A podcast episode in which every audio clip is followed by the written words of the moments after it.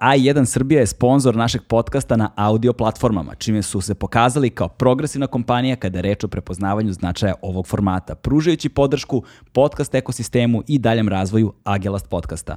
Važno je da se razume da su podcasti nastali kao audio format i da je ovu sferu razvila i učinila mogućom sve popularnija kultura slušanja. Bez audio formata nema podcasta.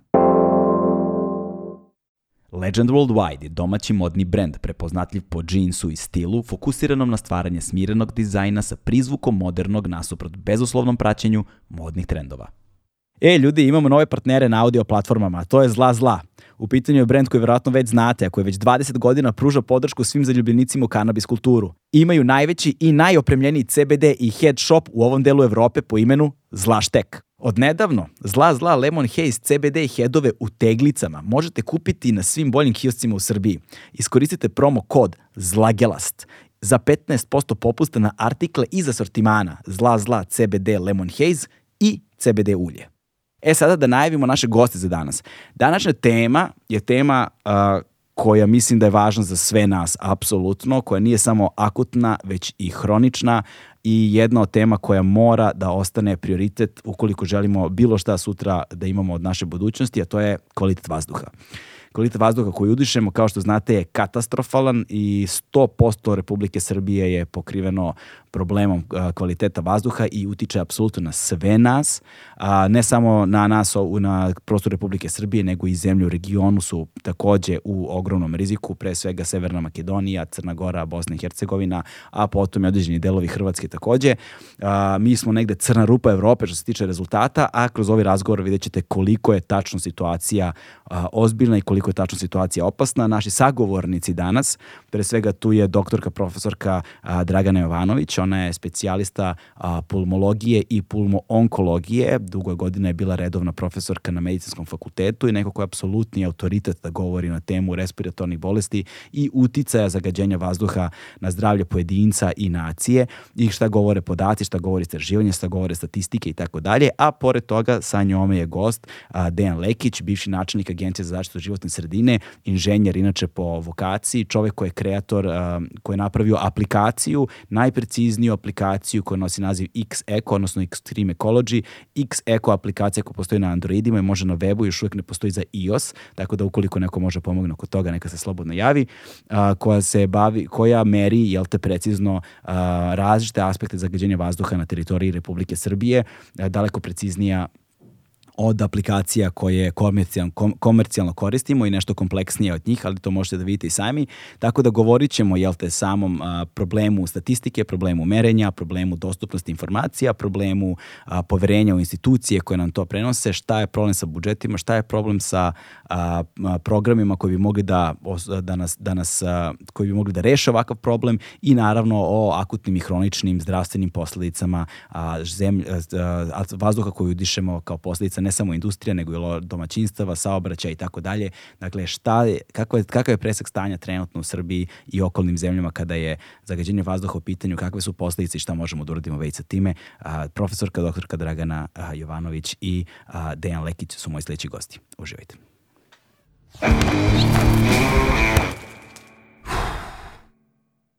Hmm.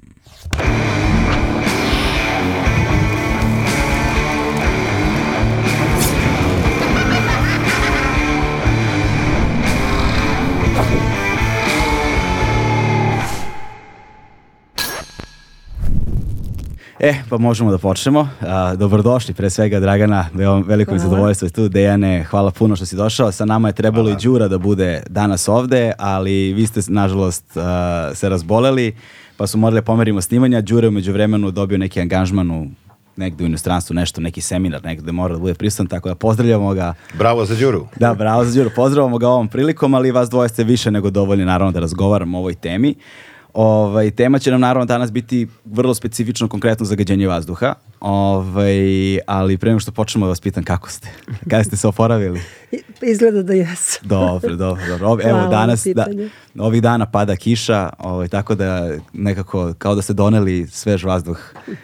Ovo, ovaj, danas je dobro, okay vreme, a? Danas je okay, danas je, pa naravno, kišica da. pada. Danas je, ja sam pogledao jutro pre dolaska, dakle, vrlo redak slučaj. Samo u Novom pazaru, Južicu i Valjevu, te tri kritične tačke je mhm. vazduh mm. lošiji, e, na svim drugim stanicama je stvarno zeleno, dakle ne ono zeleno, mm. ono zeleno što zovemo zeleno, nego zeleno, zeleno prema evropskim standardima. Aha, e, da. Zeleno, dakle vazduh je dobar, ne odličan ponovo, znači to je još jedna od zavoda, o tome ćemo kasnije. da, i o tim evropskim standardima i šta znači to, da, lepo ćemo da, da, da, da razgovaramo, razjasnićemo sve te pojmove. Ove, ovaj, e, sad, a, ja sam dugo vremena razmišljao o jednoj ovakvoj temi, A, I svako malo sa pomeram, pomeram, sve hoću, hoću, nikako se desi i onda a, oko nove godine odlazimo mi porodično, jel te, a, prvo smo otišli na planinu Rudnik i tamo smo bili nekoliko dana, pa smo onda otišli za Gornji Milanovac i odlazimo sa Čerkicom ovaj, na Rudniku tri dana, četiri, ono, visina, svež vazduh, sve super. Mi smo u nekom selu bili dosta, dosta, dosta, dosta udaljeno od bilo kakve civilizacije. Nismo imali ni signal za mobilni i sve super. Ove, ovaj, I spuštamo se u Gornji Milanovac, ali kao nekada magla. Mislim, ja sad počnem da sumnjam u to da li sam ikada u životu video maglu, zato što ono sa čime smo odrastali, taj miris sa kojim smo odrastali, koji ti ono budi ono nevino detinstvo, zapravo niti je nevino, niti je magla. Uh, Ovaj, I kako smo ušli, nismo prošli kroz glavni bulevar, čerka je počela da kašlje.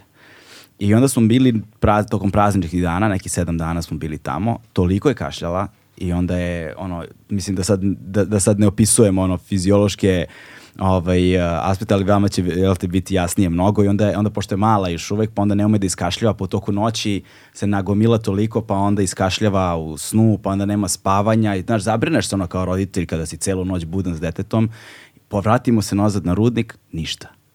Opet ništa, znaš, i onda skapiram čoveče, ovo je toliko alarmantno, a nekako Uh, Đura mi je o tome isto pričao. Kaže, kaže Galebe, ti si počeo patiš od te anksioznosti prouzrokovane zagađenim vazduhom. Jer ja obsesivno gledam u onu aplikaciju po ceo dan. Prijatelji me pitaju da li si normalan, šta si toliko opteređen stvarima koje, koje I nisi da jedini, to je... Da. I baš me uznemirava, što ne izlazim s detetom napolje, imamo filtere za vazduh u kući, imaju filtere za vazduh u vrtiću, znaš, nema aktivnosti, dete zarobljeno unutra, a napolju, ne znaš šta da radim, znaš. I, ovaj, I onda sam rešio, rekao, skrajnje vreme zaista da porazgovaram o ovoj temi, jer ne mogu više da budem usamljen u svemu tome. O, I uh, tako smo došli do vas, jel te? Um, sa vaše strane me zanima šta je to što zapravo zagađenje čini, jel te, zdravstveno pojedincu, društvu, naciji, dugoročno, akutno, hronično, jel te i tako dalje, kako izgleda klinička slika, sa čime ste se vi sve sretali i naravno, Dejane, vi ste tu da razgovaramo o svim ovim drugim državnim, jel te, aspektima, merenjima, tehnologijama, i da razgovaramo negde šta su to potencijalna rešenja, koji je vremenski rok za implementaciju tih rešenja, šta su problemi sa kojima se suočavamo. Jel te? Ne znamo čega bismo počeli, ovaj, valjda pojmove ćemo nekako usput da razjašnjavamo, ali ja bih počeo, evo, na primer, rekao sam vam, seo sam i slušao sam onaj izveštaj o kvalitetu vazduha u Beogradskom medijskom centru koji dva sata traje i moram da priznam, ovaj, pola nisam razumeo, ali, sam, ali mi je jasno da tu nešto nije bilo u redu kada su u pitanju bila uh, a, kada su pitanje bili istraživanja i način na koji su istra, rezultati istraživanja prikazivani. Znači, hoće, ne, da pa evo, malo. mogu ja da, da, mislim, ta konferencija štampu koju pominjete, ona je e, bila jedna, jedna inicijativa Nacionalne ekološke asocijacije. Gospođa Jovanović i ja smo članovi stručnog saveta te asocijacije, koja je zapravo i nastala kao neki, neka vrsta želje da na alternativan način i e, precizno e, pouzdano i u pravo vreme pružimo građanima podatke i informacije o stanju životne sredine. E, vazduh je tu se pojavio kao ključna tačka. Zašto? Pa zato što je to stvar koja se tiče svih. Dakle, niko ne može da pobegne od toga, možete sedite jedno vreme u, unutra pod e, ovim e, prečišćivačima ili ne znam ja, ali na kraju dana ćete izaći i napolje, jel tako, da. i kretat ćete se kroz taj vazduh. Da. I vi ćete ga udisati, hteli to ili ne. Jedino da nosite ovaj gas masku non stop, mislim što još nije nikom uspelo. Nikom nije uspelo, ali blizu smo izgleda. Ni, nismo daleko. Dakle, to je bila ideja i, i onda mi, to je druga godina za redom kako to radimo. E, šta pokušavamo da predstavimo rezultate koji, su, eh, koji se prikupljaju u realnom vremenu iz različitih vrsta monitoringa, jedan od njih je državni, eh, drugi su takozvani građanski, to su znači, građani sami nabavili merači i stavili na svoje prozore, terase, i da pokažemo da je moguće te podatke analizirati i eh, predstaviti u formi kojoj država predstavlja te podatke, mm. uporediti ih sa zakonom definisanim granicama i to je ono što je jako bitno. Dakle, mi ovde ne govorimo o nekoj aplikaciji stranoj, po znacima navoda, koja ima neke boje. Da, da. Mi ovde govorimo o zakonom definisanim graničnim vrednostima za koncentraciju određenih zagađujućih materija u vazduhu, koji piše u zakonodavstvu, u zakonskim aktima, uredbama, e, pravilnicima ove zemlje. Mm -hmm. Naravno, e, naš je cilj da istovremeno to povežemo u smislu analitike podataka i tog poređenja sa sa graničnim vrednostima definisanim zakonom, sa efektom i uticajem tih koncentracija na ljudsko zdravlje. Otud e, i e, gospođa Jovanović i gospođa Elizabet Paunović, koja je takođe govorila online mm. na mhm. tom skupu, e, jer to kod nas nedostaje. Kod nas zdravstveni deo e, državnog sistema, da ga tako nazovem, ćuti. Da, da, da. E, Agencija za zaštitu život sredine objavljuje zakasnelo love podatke iste, koje smo i mi objavili, oni će to tek uraditi uh, verovatno tamo krajem sled, ove godine, sada je to ova godina, mm. a, ali a, oni čak i objave i kažu na tim i tim mestima je bilo toliko i toliko prekoračenja i, i tako dalje i to je to. Zdravstveni sistem, imamo Nacionalni savet za zdravstvo, imamo Zavod za javno zdravlje, Milan Jovanović Batut, imamo gradske zavode i regionalne zavode za javno zdravlje. Oni ne objavljuju vezu informacije koje rade, analize koje rade, a to je veza između ovih koncentracija zagađujućih materija i posljedice po ljudsko zdravlje. A o tome će da, eh, da. Jovanović detaljno, detaljno da, vam, da vam da informacije. Da. I to je ono što je suština, jer mi, mi se zaustavimo o tome, kaže tako je bilo uvek, uh, to su, e, kad sam ja bio mali, ložio se u... Jeste, jeste. Da, ali onda su neki ljudi u tom periodu od tog vremena do danas umirali, a da nismo znali zašto. Ili se, se razboljevali a, od nekih različitih bolesti, pa opet nismo znali zašto. Da. E, u, tome, u tome je ceo štos. Napravljena su istraživanja, napravljena je veza između ovih povišenih koncentracija zagajućih materija, pre svega PM2,5 čestica i veće grupe bolesti. Uh mhm. -huh. O čemu naravno ja neću da govorim, pošto imamo tu vrhunskog, vrhunskog e, stručnjaka za tu oblast. E, da. Ja sam samo analitičar podataka i tvorac ovih ne. Da. aplikacija dodatnih koje imaju neke specifičnosti o tome kasnije. O tome ćemo, da, malo ćemo i o tome kako jedan inženjer završio u ovoj oblasti. Tako, to je zanimljivo jako. Da, da. Rećemo, to, na to ćemo se vratiti sada. Evo, dve stvari su, jel te, tu pomenute, koje automatski, jel te, referišu, referišu na vas. Pa da vidimo, a, s jedne strane je da li ste upućeni kako i na koji način izostaje zapravo ta reakcija i veza između tih podataka i naših retail institucija koje se bave konkretno zdravljem. I druga stvar je ono, to što, što ste pomenuli živi, a, to što su ljudi ranije umirali od toga da nismo znali, a sada znamo, ne znači da je to opravdanje da nastavimo dalje da umiremo od toga. Naravno. Znači, vreme da počnu stvari da se menjuju na neki način i kak, sa kakvim posledicama mi zapravo živimo. Pa prvo da vam odgovorim na pitanje o toj vezi koja se mhm. stalno negde anulira. E, jednostavno, sve ti zdravstveni praktično sistemi E, do sada, a naročito sada, u suštini štite politički aspekt i u tu, tu je problem. Znači, nekako i ne vode računa da izveštavaju o toj vezi između zagađenja i zdravstvenih posledica, a kad izveštavaju, onda to vrlo pažljivo e, formulišu, tako da uglavnom nikom nije jasno da, o čemu se tačno radi. E sad, e, to je jedan aspekt što mislim da je jako važno u svakom slučaju, jer u stvari tu, tu počinje ta jedna, da kažem, mimikrija, ja? mm -hmm. stvarnost. A s druge strane, isto tako mislim da dosta toga što je bilo ranije, nije bilo uvek ovako. Mi sad imamo recimo fantastične privredne uspone u smislu e, dolaska prljavih tehnologija, tako da pitanje je da li su samo iste stvari ranije izazivale toliki broj smrti ili je ipak sada još to, da tako kažem, uplivisano različitim, recimo, ne znam, firmama koje e, u suštini koriste ipak prljavu tehnologiju, ne koriste zaštitu, ne koriste ono što bi trebalo i negde zato naše stanovništvo je izloženo toliko tom zagađenju. Pa sad, evo, samo jedan primer, e, recimo, što se tiče naših termoelektrana. One, recimo, termoelektrana Nikola Tesla proizvodi Eh, više, 30 puta više sumpor dioksida i 40 puta više tih PM čestica 2,5 mm. koje su znači tekako za zdravlje porazne, nego što to radi recimo neka takva elektrana u Evropi. I sad nekoliko naših elektrana praktično pravi zagađenje kako ne pravi 250 elektrana tog tipa koja koristi sagorevanje uglja za proizvodnju eh, energije u Evropi. I sad, mhm. to su toliko dramatične razlike da to sigurno ne može sad uopšte da na neki način se relativizira sa time da je ranije bilo tako, ali eto mi nismo vodili računa i slično, nismo obraćali pažnju, a sad toliko dobro živimo da na, i na to obraćamo pažnju. Da, da, da, da kao ja, kao toliko smo razmaženi. Da, da, da, da. da. A, to, to, to implicira u stvari. Da, Jest. Da, da. A s druge strane, recimo, vi imate da već e, dobrih nekih, recimo, 50-60 e, godina se radi na tome u svetu, pa kao što je u doba onog kapitalizma ranijeg bilo, recimo, puno tih, e, ne samo rudnika, industrijskih postrojenja koje su dovodilo do stravične profesionalne izloženosti materijama koje su i kancerogene, koje su aerozagađenje, da je deta, realno. Tu su se pravili kasnije iz razloga, verovatno delom i da bi profesionalno bolje uh, koristili nekako te e, humane resurse, onda su radili te različite analize i onda su u stvari išli ka poboljšanju uh, tih uslova rada, pa samim tim i ka smanjenju zagađenja, ka regulisanju emisije zagađivača, na primer iz rudnika, iz industrijskih postrojenja, proizvodnja automobila i tako dalje i tako dalje. Tako da je to dosta kompleksnije nego što se čini i nije to od juče.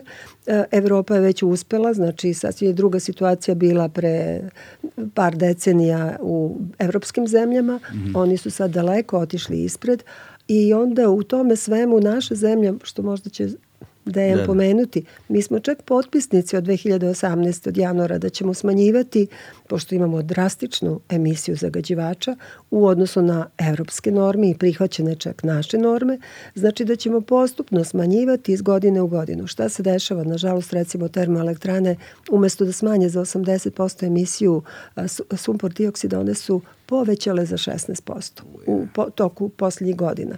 Tako da Od se, popisivanja. Tako je. Tako da se ne treba čuditi u stvari da u suštini mi imamo mnogo više bolesnih ljudi da smo, ajde da idemo sa podacima, mi smo u stvari prvi u, po smrtnosti u svetu u Evropi među prvih 10 u svetu po smrtnosti od zagađenja. Znači 175 osoba na 100.000 umre ovde, a na primer u Evropi to je maksimalno do 40 na 100.000. I zato mi imamo to je godišnje veće, tako je. Drastično. Zato mi imamo godišnje recimo 12.700 na primer za 2019. godinu da su to smrti koje se apsolutno mogu pripisati aerozagađenju. Kao primarnom uzroku smrti. Tako je. E, odnosno kao primarnom uzroku bolesti koja je dovela do smrti. Da, da, to, to. I zato imamo u stvari na primjer da negde, prvo možda treba da kažem da 80% ljudske populacije pa i svetske populacije i ove kod nas umire uglavnom od tri vrste bolesti što se vidi po podacima recimo iz Batuta. A to su vam kardiovaskularne, maligne i respiratorne bolesti. Mm. E sad, upravo na te bolesti najviše deluje aerozagađenje na njihovu pojavu, na njihove komplikacije i njihovu smrtnost. Tako da to je strahovito važno i mi se suočavamo sa problemom u stvari od ranog detinstva pa čak i prenatalno. Sad kad ste pomenuli čerku ja bih da. baš da. tu dodala jer to su kod akutnog izlaganja a, mi kažemo pa dobro to je iritacija i, i to je to. Nije. Nažalost dokazano je da kod dece i akutno izlaganje većim količinama aerozagađenja dovodi ne samo do iritacije praktično disanih puteva i pluća već dovodi ipak i do malih trajnih promena. Dakle, to je toliko opasno za decu, a to počinje već prenatalno. Ako je trudnica izložena aerozagađenju, već se slabije razvija plod, već se dešava da su e, prevremeni porođaj, manja telesna težina i plod je znači manje zrelosti nego što je za taj period. A1 je prvi prijatelj audio izdanja Agelast podcasta.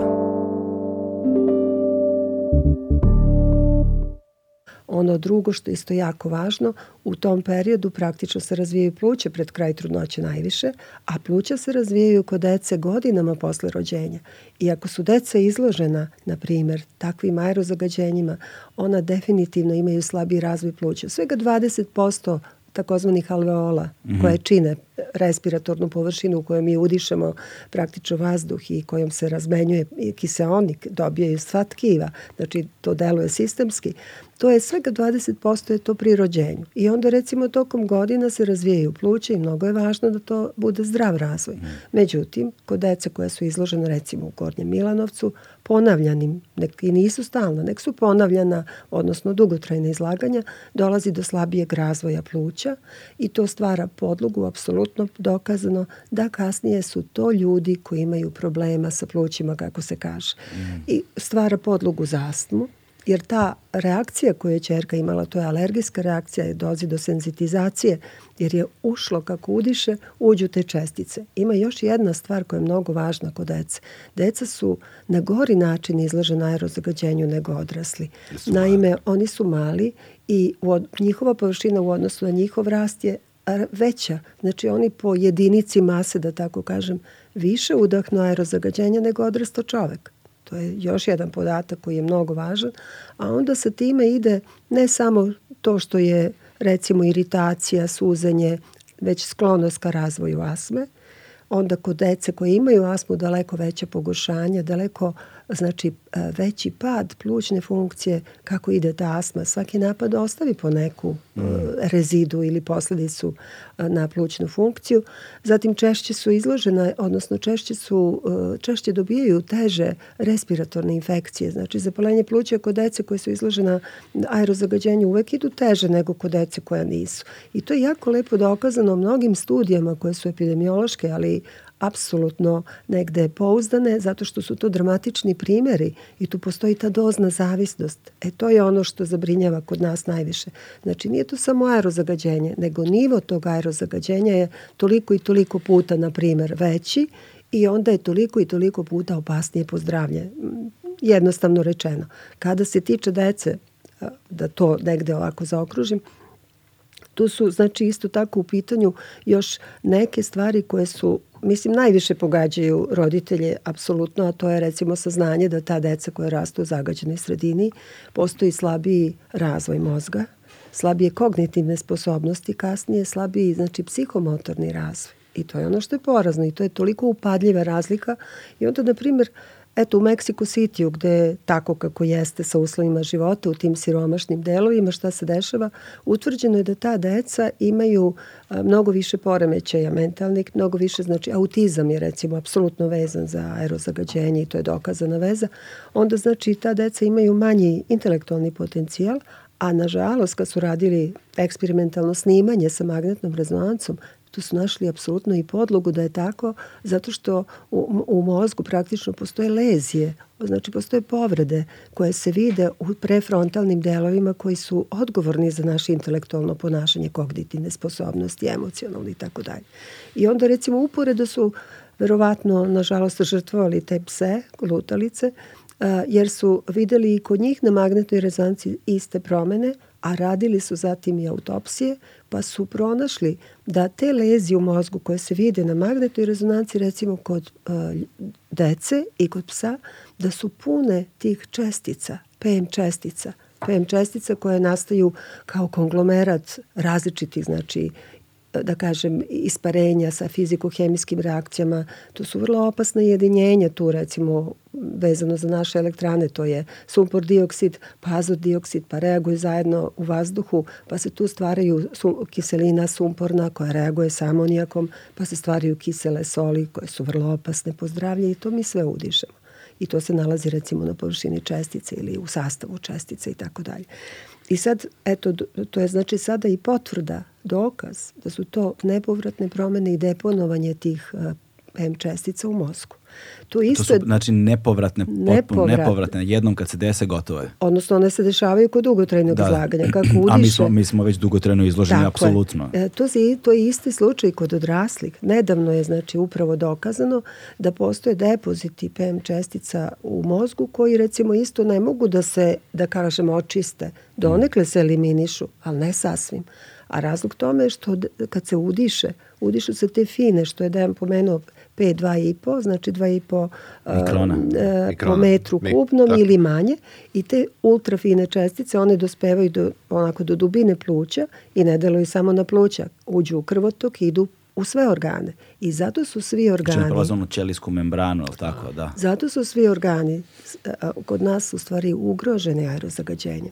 I zato imate recimo najveću smrtnost od kardiovaskularnih i pulmoloških bolesti zahvaljujući zagađenju, na primjer, jako povećane. Negde oko 20 do 23% veća je smrt, odnosno 20 do 23% smrti od kardiovaskularnih oboljenja je zbog aerozagađenja, a to su najčešće bolesti, jel? od koje boluje i umire populacija. Da. Pa zatim isto tako kada se tiče ovih pulmoloških oboljenja, slična je situacija. Hronična obstruktivna bolest pluća, tu ima recimo desetak posto populacije, još desetak posto astme, znači to je 20% naše populacije i svačije, jel? Mm -hmm. ali Kod nas je to mnogo dramatičnije zato što u stvari to se odražava na, na uh, mnogo češće pogoršanja koja su svaki put sve e, nepovratnija i onda recimo ta smrtnost od hronične obstruktivne bolesti, znači negde oko 20% pripada upravo aerozagađenju. Tu su isto tako i šlog, jer uh, ono što je isto jako važno naglasiti da te čestice ulazeći u krvotok, one oštećuju endotel znači unutrašnji sloj krvnih sudova i to nepovratno menja funkciju. Endotel se inače smatra maltene kao poseban organ, ima mnogo funkcija i čim se promene te funkcije, onda je sklonost ka trombozama, ka da. aterosklerozi. To objašnjava zašto dolazi recimo do infarta češće, e, normalno arterijska hipertenzija, to i da ne pominjem jasno. Zatim zašto dolazi do šloga, isto tako, jer to su sve se tiče krvnih sudova, a krvni sudovi su drugde, svugde onda isto tako utiče na bubrege, jer je bubrezi su jako vaskularizovani, kako mm. mi kažemo, pa i onda recimo... Prokravljeni, Tako da, je, da. da. da. ovaj, I onda recimo tu dolazi do sla, opadanja funkcije bubrega zbog toga, a kod onih koji već imaju, na primjer, bubrežno popuštanje, kod njih je to mnogo, mnogo izraženije zbog aerozagađenja. Tako da, eto, za sada to samo da bacim prosto svetlo koliko je to sve mm važno i koliko je to bitno bitno za svaku ćeliju organizma. Jer u osnovi su tu patobiološki mehanizmi molekularni. Znači dolazi oksidativni stres je kao termin svima poznat. Znači sistemsko delovanje aerozagađenja zasniva se na oksidativnom stresu i zasniva se na nekim epigenetskim promenama. Menja se ispoljavanje genja. Da, ekspresivno. okay. šta, šta je oksidativni stres i, da. i, i kako se me, e, ispoljavane, menjen, ovaj, kako utiče na menjanje ispoljavanja gena. Da. Ali izvinite, samo pre toga, e, shvatio sam da, da, da, se nis, da, se nismo, da vas nisam bliže predstavio u smislu, dakle, da razumeju ljudi zašto ste vi autoriteti da govorite na ovu temu, što je negde evidentno, ali široj javnosti možda nije jasno vi ste profesorka, vaša karijera je, uh, vi ste pulmolog, u stvari da. pulmološkinja, da. ali tako? Pa ja sam subspecijalista pulmologije i onkologije, te dve stvari mm. koje sam... Ove, koliko dugo ste radili? Ja sam sada redovni profesor u penziji, mm -hmm. radim samo privatno, a radila sam 41 godinu. Da, radnog znači staža. videli ste svašta, Slažite. svakakve kliničke slike ste videli Jest. i imate iskustvo iz prve ruke kako je progresija toga izgledala zapravo kroz vreme. Jest. O, ovaj, kako je bilo pre 40 godina i kako da, to danas i negde komparativno možemo da postavimo da. stvari, jel te? Da. Prije nego što nastavite samo sa odgovorom na ovu temu. Ovaj, a, a poslije ćemo da se pozabavimo, e, Dejan, izvini, molim te, tobom, Ništa, sve tobom, samo da, da završimo ovo, ovo što je započeno. Dakle, oksidativni stres i, i, i da. uticaj na... Znači, znači ćelijskom nivou dolazi do oksidativnog stresa kada uđe ta a, ultrafina, što kažemo, mm. mala čestica. Oksidativni stres remeti normalne funkcije ćelije, remeti one osnovne funkcije ćelije i to se dalje odražava na sve organe. S druge strane, isto tako, tu postoje i sistemski e, inflamacijski e, odgovor, a to znači da u stvari mi kažemo inflamacijski, to je zapaljenski, ali ne mislimo na bakterije i na viruse, nego je to u osnovi lučenje različitih citokina, različitih medijatora inflamacije koji pokreću kaskadu događaja koja dovodi do loših promena, loše funkcije ćelije i organa. I to je jedan od mehanizama. Postoje znači i genetske promene i epigenetske. Znači mi imamo gene regulatorne, utiče na regulatorne gene, upravo sa recimo tog aspekta je važno. Na primer, mi znamo da kad postoji oksidativni stres, da glutation predstavlja eh, antioksidantna eh, antioksidantnu materiju, međutim ta sinteza glutationa, odnosno njegova zaštitna funkcija mm -hmm. za ćeliju poremeti se pa je nema, pa je to isto veliki da. problem. Inače ja pijem ono glutation, ovaj, suplementiram se glutationom ovako uh, u slobodno vreme. I ono što je epigenetika, znači vi imate gene koji su u redu, a s druge strane ceo taj proces koji je znači e, stepenast, kako da se e, ekspresija gena, onaj poslednji protein, mhm. poslednja belančina koju treba da proizvede takva genska struktura, to se poremeti. Znači dođe do, pošto je u genima DNK, jel? deoksi ribonukleinska kiselina, to nam je osnova naslednog materijala, e onda dalje u tom prenošenju tog signala kako da izgleda ta naša DNK i taj protein, dešava se u stvari takozvana metilacija, na primer, mm -hmm. DNK i to potpuno poremeti, izlazi neki proizvod koji uopšte nije onaj koji treba da bude i time remetite dalje sve. Da. Tako da. to, to su neke osnove patobiološke, pokušala sam da, da malo jasno, ka, pojednostavim. Jasno, da, hvala na tome. Ovaj, a kako, kako izgledaju posledice uh, tih patologija? Dakle, šta je to što, što mi vidimo onda kao konačni rezultat? Upravo kao konačni rezultat mi vidimo, eto, recimo na nivou krvnih sudova promene, mm -hmm. na nivou pluća, srca, na nivou mozga, zatim na nivou svih organa, jetra, steotoza jetre, recimo, to je e, zabeleženo i dokazano da u suštini se e, mnogo češće javlja tamo gde postoji zagađenje. Da. Znači, po sve organe je bitno. E, nema tu jasnih, e, zato što nije toliko utvrđeno, jer steatoza nije tako, ne smatra se tako opasno. Međutim, međutim jedno drugo obolenje koje je mnogo opasnije, to je uh, hepatocelularni karcinom, karcinom jetre, mm -hmm. za njega postoje podaci da postoji dozna zavisnost. Znači opet zavisno od e, stepena zagađenja i od koncentracije zagađivača toliko je recimo veće e, oboljevanje u nekim krajevima gdje je rađeno e, kao ispitivanje veće oboljevanje od tog karcinoma i ono što je bitno da je primećeno da je e, značajno veće isto e, pojava goreg toka bolesti kod onih koji već imaju tu dijagnozu. Mm. I to su tako studije koje mnogo, mnogo ukažu na sve što se dešava. E sad to je posebno recimo za karcinome to je posebna situacija zato što realno za neke zagađivače postoji dokaz da deluju baš na genski materijal i da na, na taj način deluju u smislu promocije nekih karcinoma. Kad kažemo promociju, to je taj početak u stvari koji dovodi do početka razvoja mm -hmm. karcinoma. Međutim, ovo je ono što prvo treba naglasiti, to je da su to dramatične razlike zbog aerozagađenja u odnosu na ona recimo područja gde nije aerozagađenje. I na primjer tu je recimo karcinom pluća prvi, ali ne jedini, daleko od toga. I onda imate recimo karcinom bešike, karcinom jetre, kao što sam već pomenula, karcinom grla, onda isto tako tu su karcinomi kolorektuma, odnosno creva, zatim isto tako neke druge vrste karcinoma koje su jako značajne jer, su, jer je često oboljevanje i često umiranje, dakle to jako doprinosi upravo toj smrtnosti. Pa na primjer U Evropi su izračunali u 2019. godini svaka deseta smrt od karcinoma je zbog aerozagađenja, mm. znači 10%. E sad ću napraviti digresiju pa samo reći da je kod nas svaka deseta smrt od aerozagađenja, ali deseta smrt uopšte. Znači uzmete u obzir i zdravu populaciju. Ne od karcinoma, nego, od karcinoma. nego uopšte. Tako je, znači oni su uzeli bolesnu populaciju pa je tu. Mm. Eto, tu može da se vidi možda to koliko je to dramatična razlika i koliko to stvarno je, da, ono, nažalost, deprimirajuće. Da, vrlo deprimirajuće Pavelića, ali ono sa čime nailazim sad je tu negde to je zadatak gde da, da. Na, da, da. nešto, na, nešto sa čime ja nailazim da je pro, na, na šta nailazim kao kroničan problem. S jedne strane je nažalost aerozagađenje je nekako sezonska stvar, prilično. Znaš, kad dođe zimski period, drastična je razlika, tada su i panj, kako dođe proleće, tako svi zaborave na temu a ne bavimo se kontinuirano njime. Nije, nije u žiži javnosti prosto kontinuirano, s jedne strane. Druga stvar je na šta se čoveče sve naviknemo, šta nam sve postane normalno u životu. I, ovaj, I nekako izgubi na snazi, znači izgubi na dimenziji, ono, ne, ne, ne, ne, nije prisutno opet na taj način u javnom prostoru i nema reperkusije, odnosno nema posledice kakve bi trebalo da ima. I treća stvar je što smo potpuno nam je destabilizovani, su nam centri poverenja. Mi Tako više je ne verujemo ni jednoj informaciji koju dobijamo ni od koga, s jedne strane, a s druge strane, kad dobijemo neki podatak, nemamo kontekst u koji možemo da ga stavimo, pa sama informacija nema težinu. Ona što ti saopštiš, ali ne, ne vidimo je, ne možemo da je sagledamo u potpunosti. To je, to je problem, a to je... Znaš, da Da, e, pa...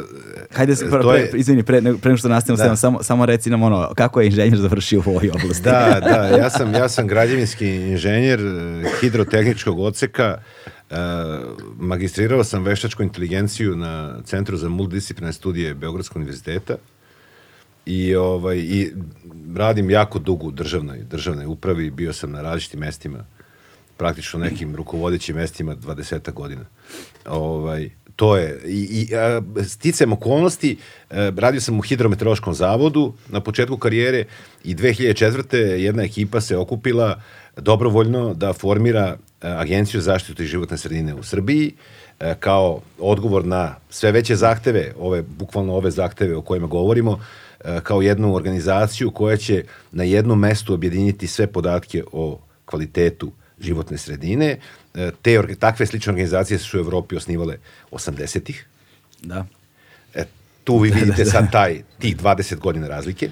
Kao i mnogim drugim stvarima. Tako je, i, i onda ovaj, mi smo se dobrovoljno, da kažem, prijavili, jer smo imali iskustva u različitim e, temama koje su hidrometeorologija, što je vrlo slično u smislu prikupljanja podataka, monitoringa i tako dalje, obrade podataka, izrade odgovarajućih izveštaja i 2004. je formirana ta agencija Život sredinu, te sam ja kao E, građevinski inženjer hidrotehničkog odseka i informatičar na neki način, jer je to neka bila moja paralelna e, sfera interesovanja, sam i završio matematičku gimnaziju mm -hmm. u mhm. Beogradu.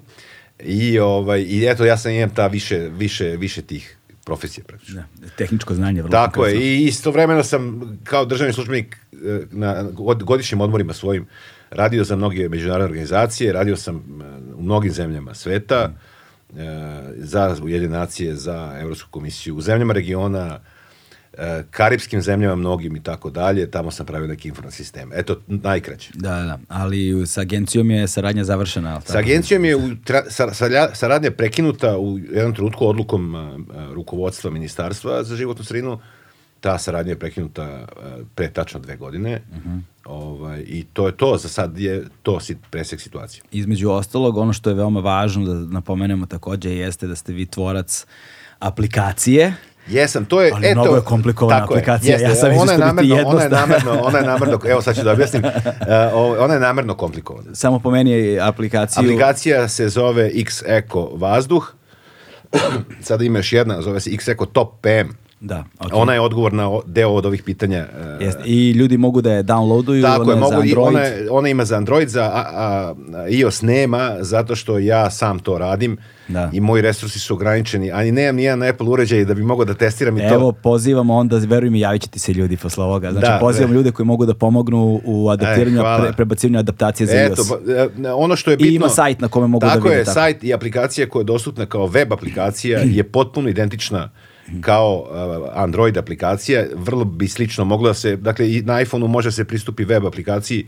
Da, isti, ja tako gledam preko iPhonea Da. Je, ovo, znači, ali, ali moram da napomenem samo da je tvoja aplikacija daleko temeljnija od onih komercijalnih koje imamo. Tako je. Da. Moram da priznam da to ne postoji. Da, da, da, da. E, za, zašto ne postoji? Pa zato što sve aplikacije koje su trenutno raspoložive na tržištu one daju nešto što se zove indeks kvaliteta vazduha, baš da bi približili tu temu širokoj populaciji. Mm -hmm.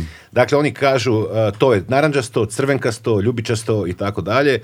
Vazduh je, ona ima neki čuljak uvek, da li on ima masku ili nema. Da. Čak je i grad Beograd sa ovim svojim billboardima i svojim e, portalom BioEko primenio istu tehniku. Malo je samo ovaj, na mišiće promenio nazive tih kategorija, no dobro, to ćemo pričati o tome. Isto su boje, I sad, vi zapravo time dobijate ono jednokratnu, vrlo brzu informaciju. Vazduh je ovakav, onakav, to je to. Ono šta, šta sam ja hteo sa aplikacijom, to je bukvalno da uradim, da pokrijem sve moguće e, kriterijume za rangiranje. Mm Dakle, ne samo indeks kvaliteta vazduha koji se koristi u aplikaciji XECO vazduh, koji je zapravo evropski indeks kvaliteta vazduha koji primenjuje i Evropska agencija za životnu sredinu i Evropska unija već dugi niz godina, uh, već to poredim i sa graničnim vrednostima propisanim zakonom, kako u smislu visine tih koncentracija na 24-časnom, odnosno dnevnom nivou, na godišnjem nivou, Mm -hmm. i trajanja prekoračenja pojedinih zagađujućih materija koje je takođe propisano zakonom. Da. Što se kod nas, da li je neko, da li ste vi čuli nekog iz Eh, od nadležnih iz nadležnih institucija to pomene, niste. Ma nisam ništa čuo praktično. Yes, da, zašto? Mislim da je Dragana to objasnila na početku njenog izlaganja danas, a to je eh, ljudi smatraju da su oni plaćeni da minimizuju loše stvari u životnoj mhm. sredini, ne bili na taj način očuvali sliku neke, nekog blagostanja. Što je besmislica, jer je jedini razlog njihovog postojanja zapravo da prepoznaju loše stvari u životnoj sredini da bi da. neko njih reagovao. Pa da, mislim to im je funkcija. Osnovna. To je da. znači nije uopšte nije nije uopšte neophodno da saopštavamo građanima stvari koje su dobre. Da. kada se bavimo kada se bavimo životnom sredinom. Da. Znači da je to okay. Ne moramo Dobre ti... stvari bi trebalo se podrazumevati. Tako je, bravo. Evo, super smo. Znači ono, da. dišemo vazduh. mogu da diše, bravo. Ne. Da. E, treba da obratimo pažnju na stvari koje nisu dobre. Eto, to je to. Da. E, aplikacija je namerno komplikovana. Ja kad sam e, je krenuo da je pravim e, januara dve, tačno pre dve godine, to se poklapa sa ovim, eto, da. sasvim slučajno. Da.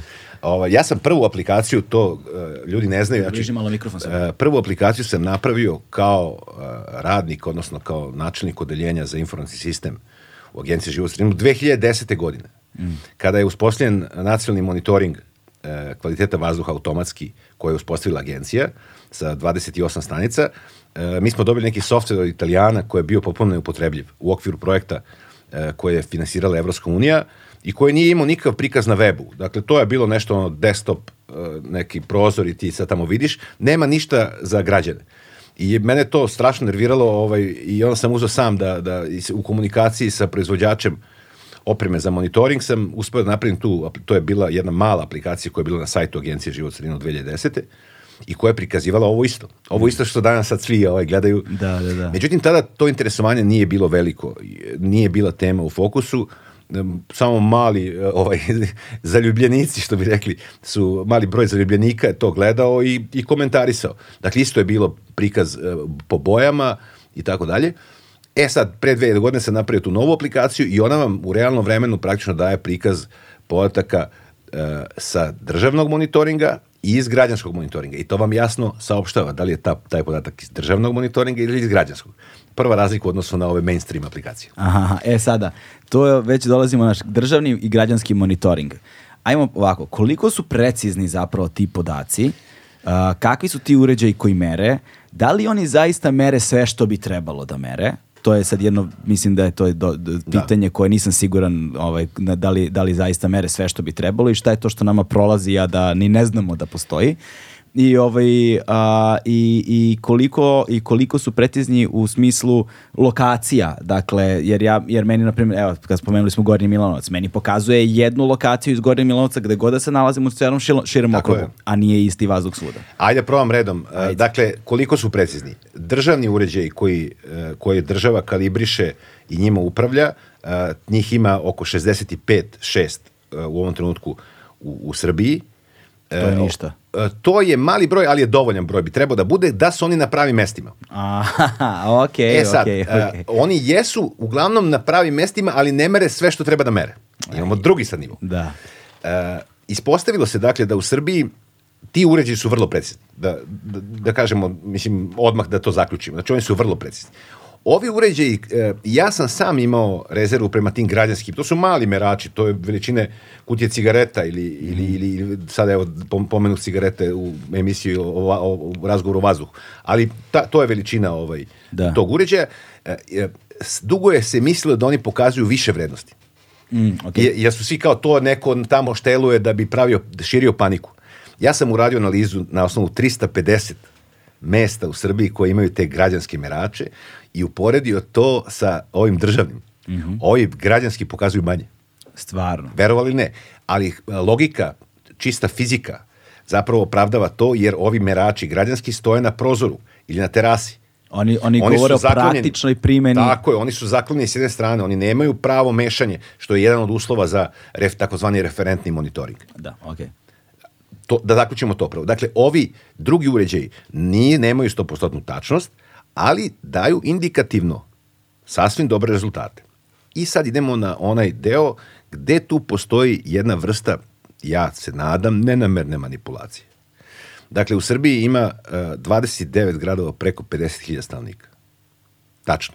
Prema procenama Zavoda za statistiku, pre objavljivanja podataka o popisu prošle godine. Pazite sad, jedini zagađivač u Srbiji koji se zna da se prekoračuje na svim praktično mernim mestima je e, malo prepomenuti suspendovane čestice prečika 2,5 mikro, mikrometara, PM 2,5. E, druge e, zagajuće materije koje su ovo, ovaj, izmerene u prekoračenju je sumpor dioksid u boru, azot dioksid u despota Stefana u Beogradu i još par stvari na nekoliko mesta. Ali praktično na svim drugim mestima prekoračenja su vezana za PM čestice. Mm -hmm. Vratimo se sad. 50.000 gradova, 29 e, gradova preko 50.000 stanovnika. U sledećim gradovima nema državnih merenja PM čestica u realnom vremenu. Sad obratite pažnju. Subotica, Sombor, Zrenjanin, Sremska Mitrovica, Šabac, Loznica, Kraljevo, Kruševac, Gornji Milanovac, Ćuprija, Paraćin, Leskovac, Vranje, Zaječar, Negotin i sad verovatno sam opet nekog zaboravio, uvek kada ovo krene da nabrajam, da. nekog zaboravim. E, I vi, kada Agencija za zaštitu život sredine objavi taj izveštaj, e, ovi gradovi ostanu u zoni zelenog. A oni ostanu u zoni zelenog zbog toga što niko nije merio ono jedino što se zna da će dovesti do prekoračenja. Sad postavite, postavit ćete naravno pitanje zašto je to tako. Te stanice državne referentne E, stanice koštaju otprilike sa full opremom oko 150.000 evra. Dakle, nisu jeftine. Jedna stanica. Jedna stanica. E, Kako izgledaju te stanice? To je jedan kontejner e, kvadratnog oblika, 3 puta 3 puta 3 metra. Uh mhm. -huh. On ima gore uz, cevi koje izlaze, koje hvataju. Jel da? Uzorak. O, Tako je, uzorak. Jedna se nalazi, naj, najlakše ćete vidjeti u o, Višićevoj ulici u Beogradu, kad idete uzbrdo pored škole, odmah iznad škole s desne strane stoji jedna od tih stanica. Ima ih na uglu omladinskih brigada na Novom Beogradu, ali ne vidi se s ulice. Ova se vidi baš lepo s ulice. Dakle, to je jedan kontejner koji je ograđen uh, ogradom žičanom i zaključano, je li tako? Unutra se nalaze uređaji koji su vrlo slično izgledaju kao uh, serveri u jednom reku, su mhm. poređeni ti analizatori, svaki od ti analizatora košta više od uh, red veličine 10, 15, 20 hiljada evra. Dakle, to je profi. Vi imate sada poluprofesionalne uređaje koji koštaju uh, 5000, 7000, 3500 i imate ove amaterske koji koštaju 50 evra, 100 evra, 200 evra. Samo to fali još da kupim i da merim ovako po da, kući, idem od sobe to, do sobe. to je, da, da, to, to, to stvara. Ali jako to, to stvara, kupim, ću to da radim, ne, ne, stvarno, to je, to stvara, u kolima držiš. To stvarno stvara, to stvarno stvara da paniku, zato što e, ako to krenete da radite, onda ste ugasili, mislim, jer da. postaćete, postaćete obsednuti time. Ja sam blizu. Tako je. Blizu I to, sam. to ne valja, mislim, to u suštini da. ne valja a i nema ni smisla. Ne. Ovi podaci kada, su, kada se dobro obrade i kada se vidi u odnosu na te standarde o kojima je gospođa Ivanović govorila, vama je lako da zaključite da tu nešto nije u redu. Problem je pitanje zašto se to događa i zašto mi ništa ne preduzima da se to promeni. E, da. To je ono što, što, što mene brine. I sad, e, čak i ovo što imamo od monitoringa, bilo bi dovoljno da zaključimo da nešto ozbiljno nije u redu i to godinama. Mm. I sad, šta znači to kada država državna institucija izmeri da nešto nije u redu godinama. A promene su minimalne tačkaste. Minimalne tačkaste. Evo taj primer uh, koji smo pre nego što smo počeli da snijemo razgovor Gornjeg Milanovca o kome smo pričali, evo ja sam sad skoro i, i za Kragujevac, ovaj, i u Kragujevcu je promenjena recimo to plana kao u Gornjem Milanovcu, s tim što je u Kragujevcu prešla na gas. U Novom pazaru je promenjena takođe, gorivo je isto, prešli su na pelet i tako dalje. To su tačkasti, tačkasti ovaj, napadi. Na, na, vi imate slona i vi se njega gađate vazdušnom puškom. Da, da, da. Da, e, da, da bi shvatili ljudi razmere, 4, pardon, 8 miliona kilograma sumpor dioksida je ove godine tent emitovao u atmosferu. Dakle, danas je 17. januar. Otprilike, 8 miliona kilograma sumpor dioksida je emitovao tent u atmosferu. Za 17 dana. Za 17 dana.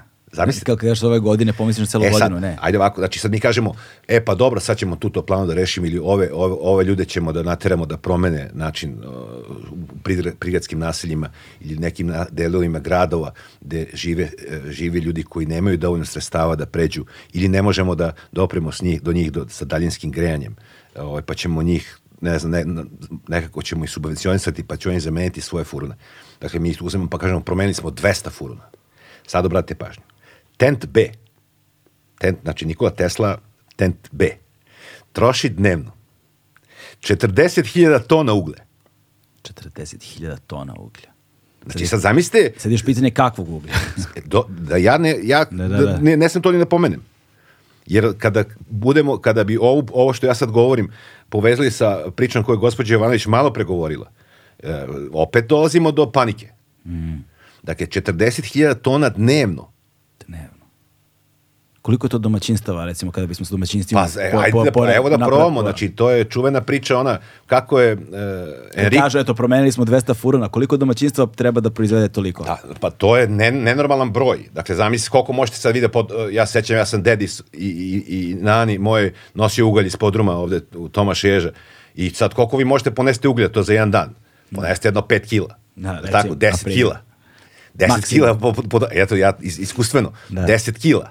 Da. A ovo je 40.000 tona. Da, mislim, to je ne, ne, nenormalno. Ne, nenormalno, potpuno. To su nenormalni, nenormalne relacije. I sad vi kažete, pa dobro, mi sad ne možemo, e, e, to je posljedica industrijskog razvoja. Pa nije to posljedica, mislim, e, postoje načini da se, da se smanje emisije zagajućih materija Iz tog, tog uglja. Iz tog uglja. Postoje Kolektori tek, ovi. Tako, znači postoje desumporavanje, odsumporavanje, postoje metodologije i tehnologije koje su već primenjene. Nismo mi sad, ne moramo Pardon, mi... Pardon, da primenjene negde. Tako je, negde, neko od nas. I, da budemo precizni. I tu su bile mnoge, znači mi imamo, čuli smo sad će tu da se uključe Japanci nekim donacijama i tako dalje, u Kostolcu je već se radi to postrojenje, ali sve to je kilavo, da tako kažem kolokvijalno, dakle to je sve sporo sve to traje, kao i sve drugo kod nas. Mm.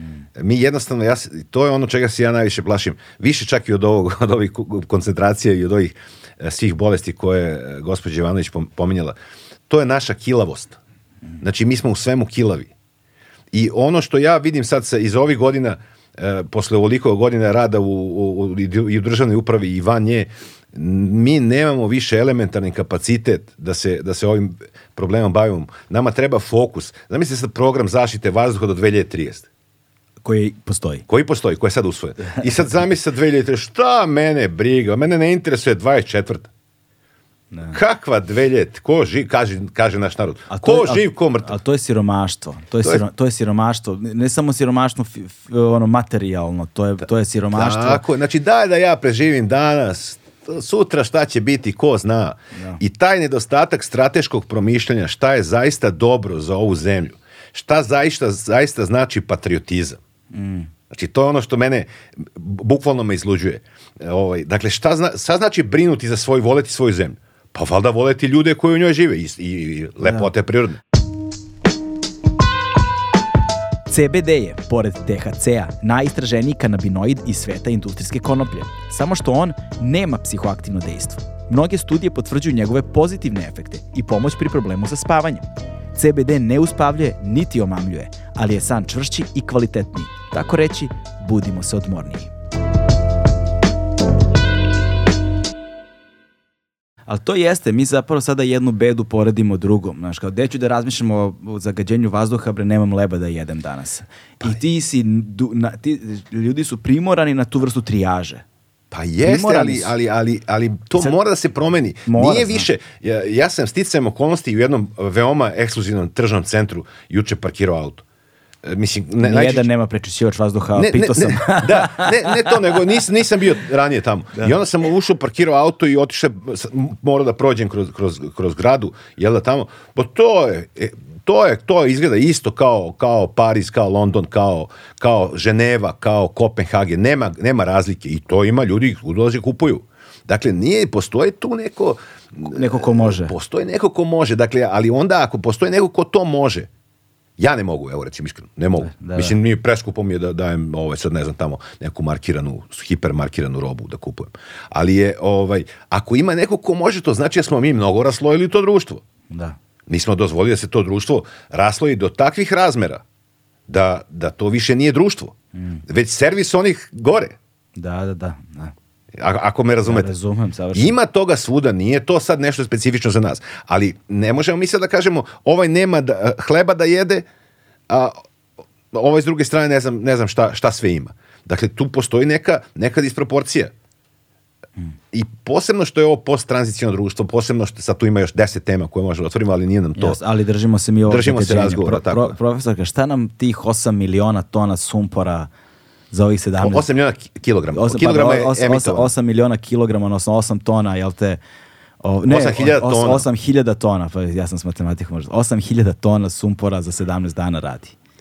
Pa eto upravo ono što sa čime smo počeli razgovor, da. a to je da u stvari e, te naših nekoliko termoelektrana emituje toliko više, znači sumpor dioksida, e, koliko ne emituje 250 istog tipa elektrana u Evropi u Evropskoj uniji. Dakle, da. to je to dramatično poređenje. Pri tome, ove naše termoelektrane, one proizvedu, na primjer, oko 8 gigavata struje, a ove tamo sa sve takvim načinom rada proizvedu 156, na primjer. Bukvalno. Znači, to je tako jedno veliko zagađenje u disproporciji sa onim zašto su napravljene i šta treba da proizvedu. Znači, em što zagađuju, em što su neefikasni realno tako. Da. I ono što jeste važno, kao što sam rekla, to je dozna zavisnost. Pa sad, na primer... Dozna da, zavisnost. Da. Znači svaka bolest, evo jedan podatak sad slušajući e, ovaj, ovo što je gospodin Lekić pričao, na primer, negde kardiopulmonalna smrtnost, znači smrtnost od e, srčanih oboljenja i od pulmoloških e, oboljenja praktično se za svakih, za povećanje od svakih 10 mikrograma po metru kubnom koncentracije PM2 i po čestica povećava se za 6 do 13%. Što to znači? znači. Opet se vraćam na primer e, upravo recimo 5 grad, 10 e, gradova u našoj zemlji između 2010. i 2015. imalo je koncentracije na primer oko 29 do 40 i nešto ovaj, PM čestica, jel? a pritom e, standard recimo onaj koji treba da se na kraju koji se smatra dovoljno bezbednima i o tome ću to je 5 mikrograma jel i sad vi pogledajte koliko puta više to tokom godina to je, bile to je koncentracije. To je minimum 5-6 puta je. pa e, do 10 e. puta I sad kad, više. Tako je, to znači 10 puta više je bilo rizik za 6 do 13%. To, znate, to je 60 do 130%. Da. Jel? Tako da tom dovoljno može da pokaže koliko je, mi smo grad sa najvećom smrtnošću, inače u svetu to je nedavno objavljeno. Beograd. Da, Znači najveća smrtno, odnosno Srbija, pardon. Srbija, aha, da, zemlja, da, da, da, da. Jest. E sad, isto tako vezano, to je zato i sve te bolesti su takve. Mi imamo enormna prekoračenja i sumpor dioksida i svih tih gasovitih, tih primarnih zagađivača i onda se oni, znači, ili se lepe na te čestice, pa se formiraju ove čestice koje budu nekad jako male, pa jako lepo prodiru i prave sve ovo što prave. E, to je najvažnije reći, tako da e, mislim da prosto ti zdravstveni efekti najnormalnije se e, proizilazi iz takvih enormnih emisija ovih gasova, da. formiranja tih čestica da ništa čudno. E, da li mi je Đura rekao ili ste mi vi rekli, Dejane, da je prošle godine uh, uzrastu od 6 do 11 ili 12 godina više od 22.000 dece obolelo Nisam ja od onda mi je Đura to, to rekao, više od 22.000 dece obolelo ovaj, od uh, kroničnog bronhitisa ili od nekog astme, da. astme. Da, to su, pa jeste, upravo zato što se to dešava prvo kao senzibilizacija, alergijske pojave i to je dokazano ima svoj mehanizam, povećava se stvaranje tog uh, imunoglobulina E koji je inače jedan marker i od astme, tako da ovaj, uh, na neki način nepovratno se oštećuje ta sluznica i njen kapacitet da izađe na kraj sa aerozagađenjem. I zato je tu onda i sklonost, luče se oni medijatori, pa sklon sklonost ka a, praktično obstrukciji, ka a, spazmu tih bronhija, odnosno astmi. Da. A zato je i sklonosti ka težim respiratornim infekcijama, jer nema te lokalne odbrane. Osnova lokalne odbrane u plućima su ti makrofagi alveolarni. Međutim, njihova sposobnost da pojedu tu česticu, da spreče da ona ide dalje, je jako smanjena, narušena kod da. ovih aerozagađenja. Tako da E, Svakog to dodiruje, nije Zato što to. primećujem, uh, ono, što, ono što hronično primećujemo, jel te, supruga, ja i prijatelji naši, svi ljudi oko nas, dakle, koji imaju decu, da. koje su tom uzrastu nekom u vrtićima i onda se družimo međusobno, idemo na rođendane, jel te, znaš, ono, društvo, da, da, naravno. funkcioniše, kako funkcioniše. Primećujem, možda zato što sam roditelj pa sam počeo primećujem tu stvar, ali nisam primećivao ranije. Ranije nisam primećivao. Um, toliko veliki broj dece zapati nekakav hroničan kašalj kojeg se ne oslobađaju. I sad, sad ja kao neko ko nema prethodnog iskustva ne znam koliko je to normalno za uzrast deteta od četiri godine, na primjer, da zapati neki kašalj, da onda mesecima ne prestaje da kašlje, a koliko je to posljedica vazduha koji udišemo. Pa uglavnom je posljedica vazduha koje deca udišu. Jer gde god da odemo, je, recimo odeš na rođendan gde desetoro dece, yes. dvoje, troje minimum, minimum, ima taj neki hlojčan kašalj. Pogled, znači, da sed, sedite se samo onog izraza vazdušna banja. Da. da dakle, da. svi smo bili, to smo čuli, kaže, gde on, kaže, otišao u vazdušnu banju. Da. To je to. To je zapravo odgovor na, ali to, to se znalo godinama, Tako ili kaže, otišao u Alpe. Da.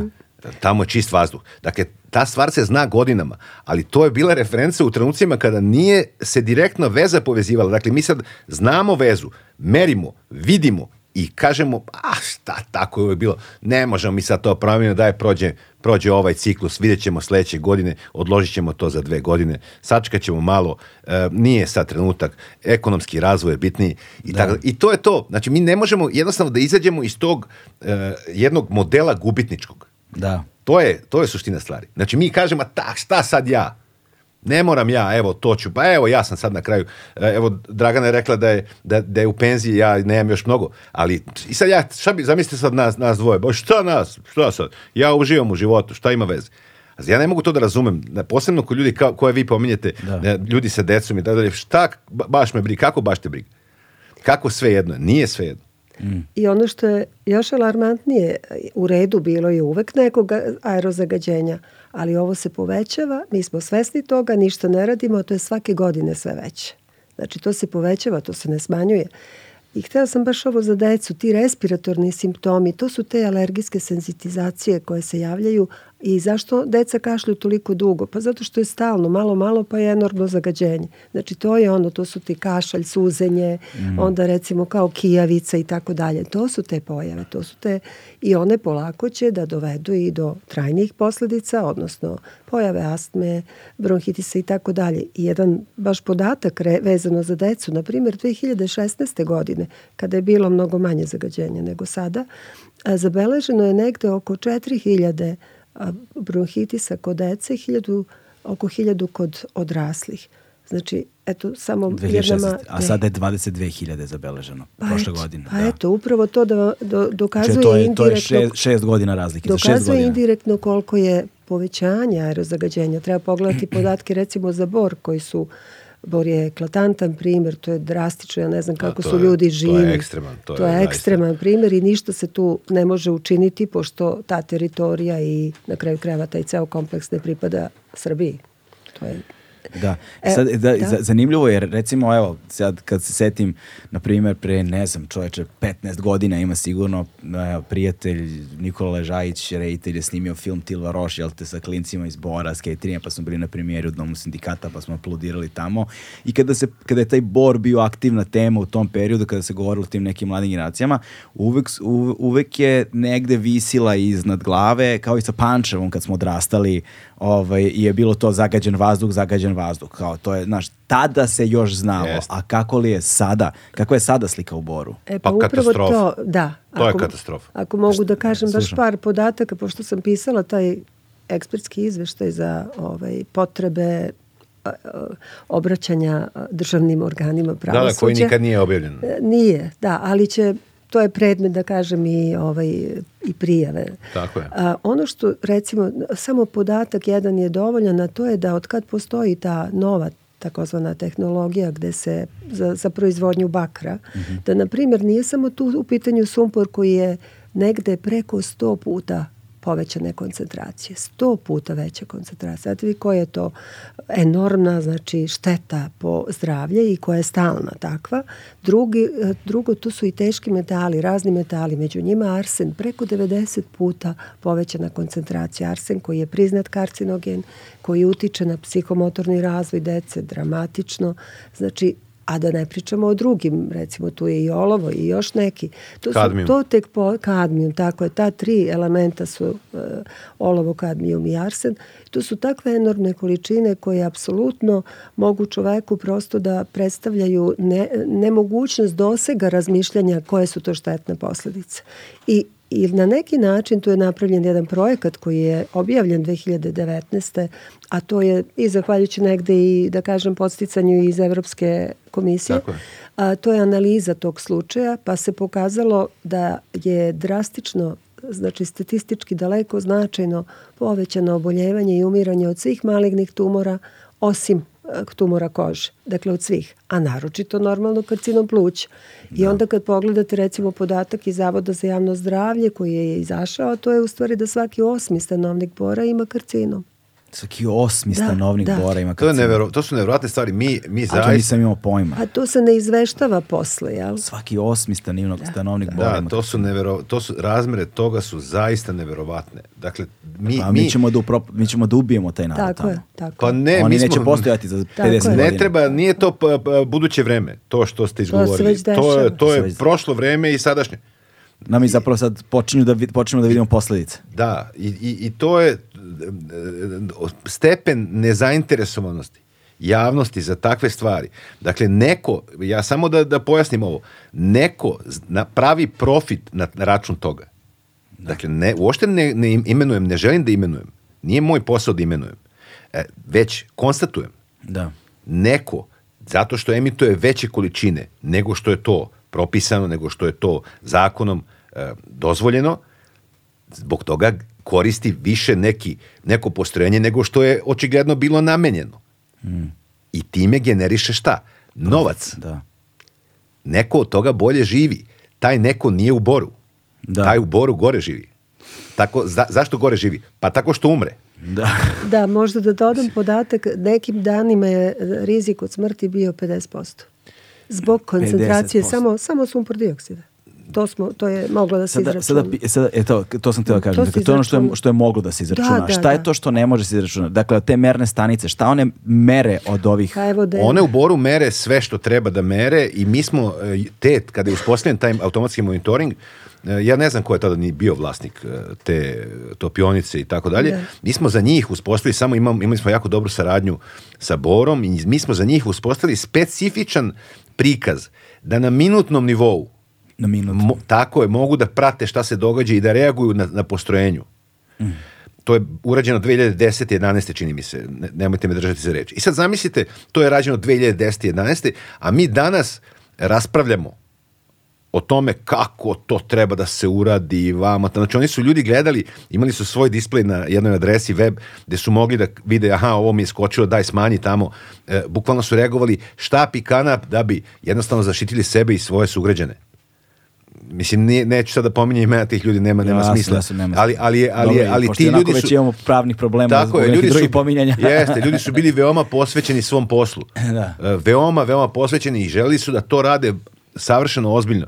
I kažem znači uspostavila se komunikacija, eto samo na entuzijazam je uspe, uspevalo se da se uprlja tim sistemom koliko toliko da se, da, da se ne dopusti da to iskače, da ta iskakanja budu velike. vi imate u proizvodnji bakra i u svemu tome što se dešava u boru, vi imate zagađenje pa ga imate. Da. Ali hajde da, da, da, ne, da ne dozvolimo da to bude takvih razmera. Ista je stvar za čuveno selo Radinac pored Smedereva. Potpuno ista stvar ja sam skoro e, Ja sam skoro radio jednu analizu, znači e, priča glasi to je e, selo pa oni lože isto kao i svi drugi. Međutim ja sam napravio analizu stanice u Vinči, koja je državna stanica, je 30 km vazdušnom linijom udaljena od stanice u Radincu. Imate avgust, mesec, septembar, nema grejanja, dakle. Znači u Radincu imate 30 dana sa prekoračenjem, u Vinči imate nula. Ne postoji eksplicitni dokaz za toga. Dakle, to što se dešava u Radincu je posljedica nečeg što je blizu Radinca, a nije blizu Vinče. Hajde da se zapitamo, šta je to blizu Radinca, a nije blizu Vinče? Ja. Pa železara, ođaci železare, odnosno jalovišta tamo i šta sve tamo ima. Ne mora to da bude jednoznačno ispušteno iz, iz ođaka. Da. I vi onda kažete, ok, ovo, ovo nešto nije u redu. Gde je naša reakcija? Koja je naša reakcija? Evo, mi znamo da je e, kompanija koja e, upravlja sistemom u Boru kažnjena dva puta, čini mi se, možda čak i tri puta, po milion dinara Dakle, fantastična kazna. Šta je to? Pa to nije ni 10. To je ovaj, ima, ima ovi poznati... 8000 evra. Ima ovi poznati da. lokali na, na Savskom keju, gde je to jedno, dva, tri pića. Da. Tako? apsolutno. Ima pića da, da koje mogu da isplate tu kaznu brzo. Da. Jeste. I, ovaj, i tako da, eto, znači to su te razlike. Znači mi uopšte nemamo, dok istovremeno sam čitao relativno skoro neka železara u Italiji koja, gde se otkrilo, eh, gde su se ljudi tužili, građani, i oni su dobili eh, desetine miliona evra odštete za smrti svojih bližnjih ili za teške bolesti. E sad mi kažemo, a to je taj zapad, ovaj, znači, ali gledajte, znači, nije ni tamo, neki su i umrli, jel? Da. Ovi neki su se teško razboli, ali ipak postoji neki mehanizam. Ovde je mehanizam, eh, Dragana je rekla, 50 puta prekoračen arsen, kazna milion dinara. Milion dinara, ne znam, evo mi kad bi pozvali ovaj, vaše slušalce, da. skupimo da. milion dinara, skupili bi za, za jedan dan. Da. da. ajde, skupimo nešto kao neki, neki, neki projekat da, da, da, da zajedno finansiramo. Dakle, to je te, trivialno. To je bukvalno jedan jači ručak menadžmenta. Mm. Jasno, te pa da. firme. I sad vi onda kažete e, kako mi to da rešimo? Pa ne možemo da rešimo na taj način. Na taj način ne možemo. Dakle, vi njega pustite da pravi profit, onda kad e, ljudi, ljudi ovaj, gube zdravlje, kada vi treba njega da kaznite, vi ga kaznite, takav je zakon od milion dinara, od, ne znam, do 3 miliona dinara je kazna, čak i da je 3 miliona, čak i da je 30 miliona, čak i da je 300 miliona. Da, da, da. A kad govorimo o karcinomaći, pričaju o siromašenom uranijumu. Znaš, to je, znaš, da, to, dobro, to je sad klasična, to je klasična zamena teza. Da, ja da. sam, da. ja to, sam, to navode kao glavni razlog da, zbog ja sam, porasta karcinoma. To moram da kažem, e, evo ovo je prvi put da to govorim. Dakle, ja sam sticajem okolnosti bio član te radne grupe koje je vlada e, Republike Srbije formirala 15. 16.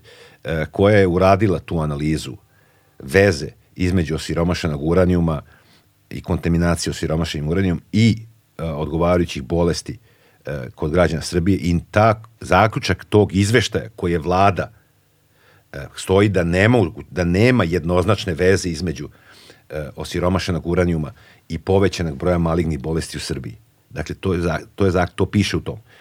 Tamo ima različitih pojedinačnih nalaza, gde ima slučajeva ovakvih, onakvih, ali na, na nivou naučnog dokaza nije pronađena, pronađena veza. Sigurno ima ljudi koji su uh, E, bili na neki način izloženi visokim koncentracijama. Sigurno ima takvih slučajeva, ali ne sistemski. Mnogo više je bilo e, negativnih utjecaja recimo od e, bombardovanja ove u, u Pančevu, da, Petrohemiju, rafinerije, da. rafinerije da, i tako da je tu je bilo mnogo više emisija zagajućih materija, ali to nije bilo tako bombardovano da. osiromašenim uranijom. Jednostavno, naš narod, a ne samo naš narod, svi narodi su skloni simplifikovanim rešenjima i tražaju nekog krivca koji nisam ali ovdje, ja. Ali ovdje imamo vrlo konkretne, kon, konkretne krivce, ono, u smislu, znači imamo vrlo konkretne uzroke koji su vrlo i hronični i akutni. To je ta razlika što mi ovdje imamo dvosmislene dokaze, šta je to što izaziva te bolesti i povećanje da. oboljevanja i umiranja od e, različitih karcinoma. Evo, za... To je ta razlika, znači ovo je možda se desilo, možda nije, ne ulazimo, ali ovo znamo, ovo mm. jeste i povećava se. Recimo, Dejan je rekao da 2012. 2011. da je bilo kontrole toga, e, arsena. Sada na krivulji kad pogledate, sad je to dva do tri puta više koncentracije nego što su tada bile prekoračenja. Evo nisam znači, to pogledao. Sad je više, slučajno imam taj, da, da. tu grafik, sad je više od 90 puta. Znači od normalnog, normalno je ne znam 6 nanograma po metru kubnom, a sada to su enormne koncentracije. I to, to je, je zanimljivo zapravo, izvinjam se što vas prekidam. Ništa. Uh, uh, mi kažemo, recimo, kako zna uh, pre, prekršajni sudija? evo recimo prekršeni sudija, vi kaže, do, do, dobili ste, vozili ste bulevar Mihajla Pupina 140 na sat. I kaže, za slikova se. I stigne poziv kod prekršenja sudija. On kaže, ka, jeste vi vozili 140 na sat? On kaže, pa možda 130 nije, ne pokazujem, ali ovaj, žurio sam hitno nešto. On kaže, ovde je snimak 140. Ograničenje je 50. Vama oduzime dozvole 6 meseci. Da. Sad će da promene zakon, pa će bude oduzimanje vozila. Kazna 150 dinara. Da. Sad zamislite vi ovo, šta, šta vam ja govorim. 150.000 dinara je na ono, da, već bliže ovih, ovom milionu. da, gledajte. Za znači, jednog vozača. Ovo, tako, ovo govorim o, o razmerama sad. Da. Znači, rekli smo, vozili ste prebrzo, uh, e, bahato, oduziva vam se dozvola, bit ćete kazni 150.000 dinara. To je prekršeno. Prekršeno. Nije ni krivično. Znači, taj sudija vrlo jasno vam pogleda, piše u zakonu, ograničenje grad 50, 140 vozio. Znači, čovjek nije normalan. Je li tako? Mm. Gospodin Jovanović sad izgovara ovde. U Boru prekoračene koncentracije arsena 50 puta. 50, da, da. znači na, to je kao da ste vozili 50 puta 50, 2500 km na sat. Kao da ste vozili dva maha. Tako je, da dva maha. Kao ste vozili avion ono, da. kroz ulicu. I sad, sad kaže, sudija je procenio da, da je adekvatna kazna koja je inače do 3 miliona dinara za privredno društvo odnosno pravni, pravno lice, koje do 3 miliona dinara, on je procenio da će adekvatno kazniti i da neće ponoviti taj prekršaj ako i kazni sa milion dinara. Nema da uzime dozvolu. To je ono čemu sad, sad razmišljam. A, postoji neki, ne, neki drugi aspekti pravni u koje, kojim se igrom slučaja razumem, recimo, ne, tiču se autorskih prava u muzici i mhm. tako dalje, i onda znam da je prijatelj koji se bavi kao sudski veštak, jel te, autorskim srodnim pravom u diskografiji, spominje kako jedan od ključnih problema rešavanja takvih, pro, ta, takvih slučajeva pravno jeste što ne postoje sudije Tako je. koje su to dovoljno ja, upravo edukovane. Sam to, upravo sam na to, to pucao. Da, koje nisu dovoljno edukovane da razumeju slučaj sa kojim imaju posla.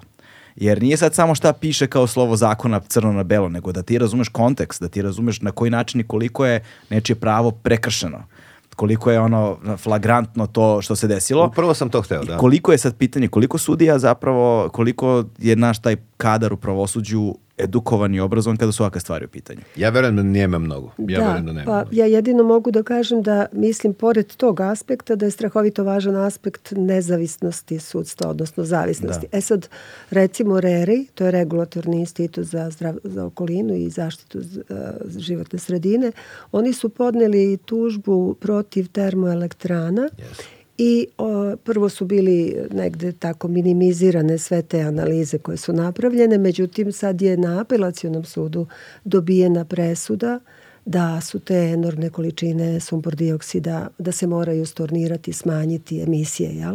Mm. Tako pa vidjet ćemo samo sad sledeći korak, a to je šta će s tim biti. U redu je ta presuda i to je prvi put u istoriji srpskog pravosuđa da je doneta, znači da su dobro razumeli. Kada se to desilo? Sada. Sada je pre nedavno. mjesec dana. Pre mesec dana. Mjesec, mjesec, aha, da. aha, aha. A ja sam pisala taj, tu analizu, zato znam. Da, da, I onda Prvi put je to na neki način takva presuda doneta tog tipa, a zakon postoji valjda od 50 godina već od, u redu, ali hoću Jasne. da kažem sad je opet sledeće pitanje šta s tim?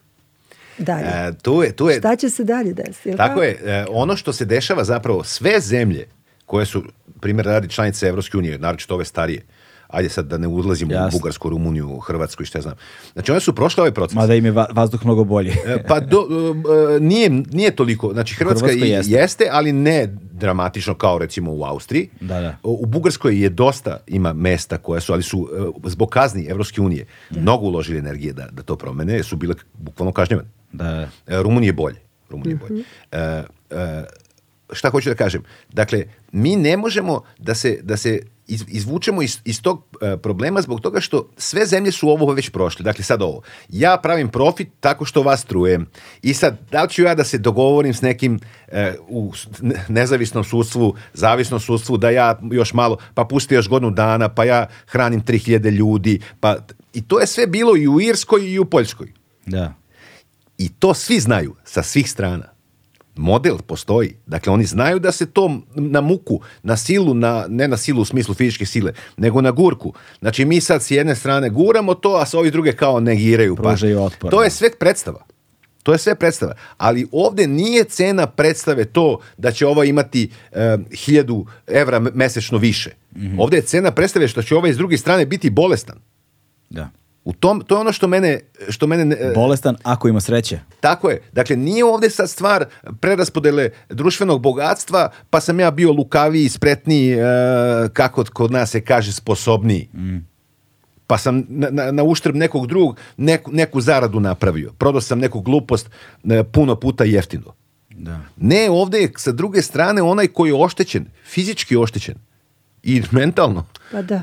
Ove, ovaj, I, drug... I svi ovi ljudi koji se brinu, I, znači oni, oni već počinju, ja vrlo često komuniciram, evo sad kako se bavim ove dve godine sa ljudima, znači ljudi su po, počinju da razvijaju bukvalno psihijatrijske probleme. Da. Od, od brige za sebe, za svoj, posebno ljudi koji imaju malu decu, pa da, kao što to, ja kao vi, kažem, dakle, pa- počinju da, počinju da paranoišu. I ovako imam problema sa anksioznošću, ovo mi ne pomaže uopšte. A, pa, jeste, ali ne, logično je. Da. Znači, kad ti ne možeš da pobegneš, ti sad, E, radiš ovo, radiš ono, ne, ne znaš šta ćeš sa sobom. Da. Ali je najvažnije to za decu. Zašto? Zato što mislim to je ono što čoveka najviše može da boli.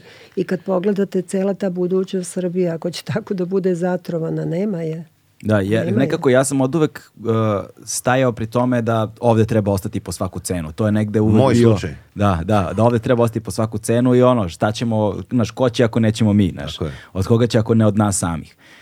Ali kada vidiš da ti dete prolazi, znaš, prvi put se zapitaš da li je moja odluka sada jedna stvar sebi, sebičnosti koja će oduzeti nekome drugome budućnost. E, to je. Znaš, jer sad ja kao prvi put u životu treba da razmatram da ću da idem preko i da batalim sve ovo ovde, samo zato što želim da mi dete ži, diše zdrav vazduh. E, ja imam, imam kuma koji no. već, eh, on, je prome, on je imao suprotnu odluku od vas i od Aha. mene. Da, znači, da. on je 95. otišao u Kanadu. Da. U ono vreme, znači, jasno me jasno, zašto je da. 95. otišao. Ovaj, sad on dođe u, u Beograd i mi se sretnemo. On naravno svake godine dolazi neki put i više puta, mnogo voli ovaj grad i on je od onih, on, on je pravih ljubitelja Beograda. Da, da, da. I onda, onda ovaj, odemo, nađemo se negde na Dorćolu. da. E, desi se da to bude i zima i on kaže ovako, nađemo se, zagrlimo se i on meni kaže, brate šta je ovo? Da. šta je ovo? Znači, a ono, onaj dim se spusti na Dorčelu. Da, da, da. I ona smrdi. Još ovaj kad dođe leti onda se osjeća onaj onaj smrad sa, sa Dunava i sa Save Tako je. od uh, kanalizacijih otvora. Pa, pa kad ili, ceo Beograd smrdi od da, Vinča znači, i sad ja znam. I sad sam ja ja sad svaki put kad on dođe ja čekam da se da, da, se, da se sretnemo i da nadam se da neće biti jer me malo sramota. Mm. Jer on sad kanadjanin 25 godina, 27 godina kanadjanin čovjek. I sad on kad meni to kaže šta je ovo brate, da. a još znamo i on i ja čime se ja bavim, onda, onda yes. osjećam se neuspešno osjećam se ovaj, kao neko ko nije dobro radio svoj posao kad mu rođeni kum da. kaže, brate, šta je ovo? Jasno. Na, recimo, a, hajde, da, kako, izgleda, kako izgleda kroz vašu praksu ovaj progresija ovoga o čemu govorimo. Znači koliko, koliko je ljudi a, od karcinoma, posle me zanima oko statistike i posebno okay. za decu, ali koje pretpostavljam da je nepostojeća, ali pričat ćemo. Ali kako je izgledala progresija dakle kroz vašu karijeru, kroz ono što ste vi videli da, na klinici? Da. Sa tradicijom dugom skoro tri decenije, Legend Worldwide je prepoznatljiv domaći brend sa akcentom na jeans, pre svega, koji odlikuju bezvremenski, klasični modeli. Mi smo čak imali neke, da kažem, radove, baš radila sam analizu koliko je bilo tih karcinoma 2003. 2013. 2019 i e, bez obzira jeste, postoji kao bolja dijagnostika. S druge strane sad postoji bolja dijagnostika u mnogim mestima i bolnicama gde ranije nije bilo, tako da može da se kaže negde da otprilike su ti podaci dovoljno pouzdani. Veliki je porast. Ja sam još 2003. to je bilo 27% standardizovane incidence porast recimo karcinoma e, pluća i e, to dovoljno govori da kod nas ide to progresivno.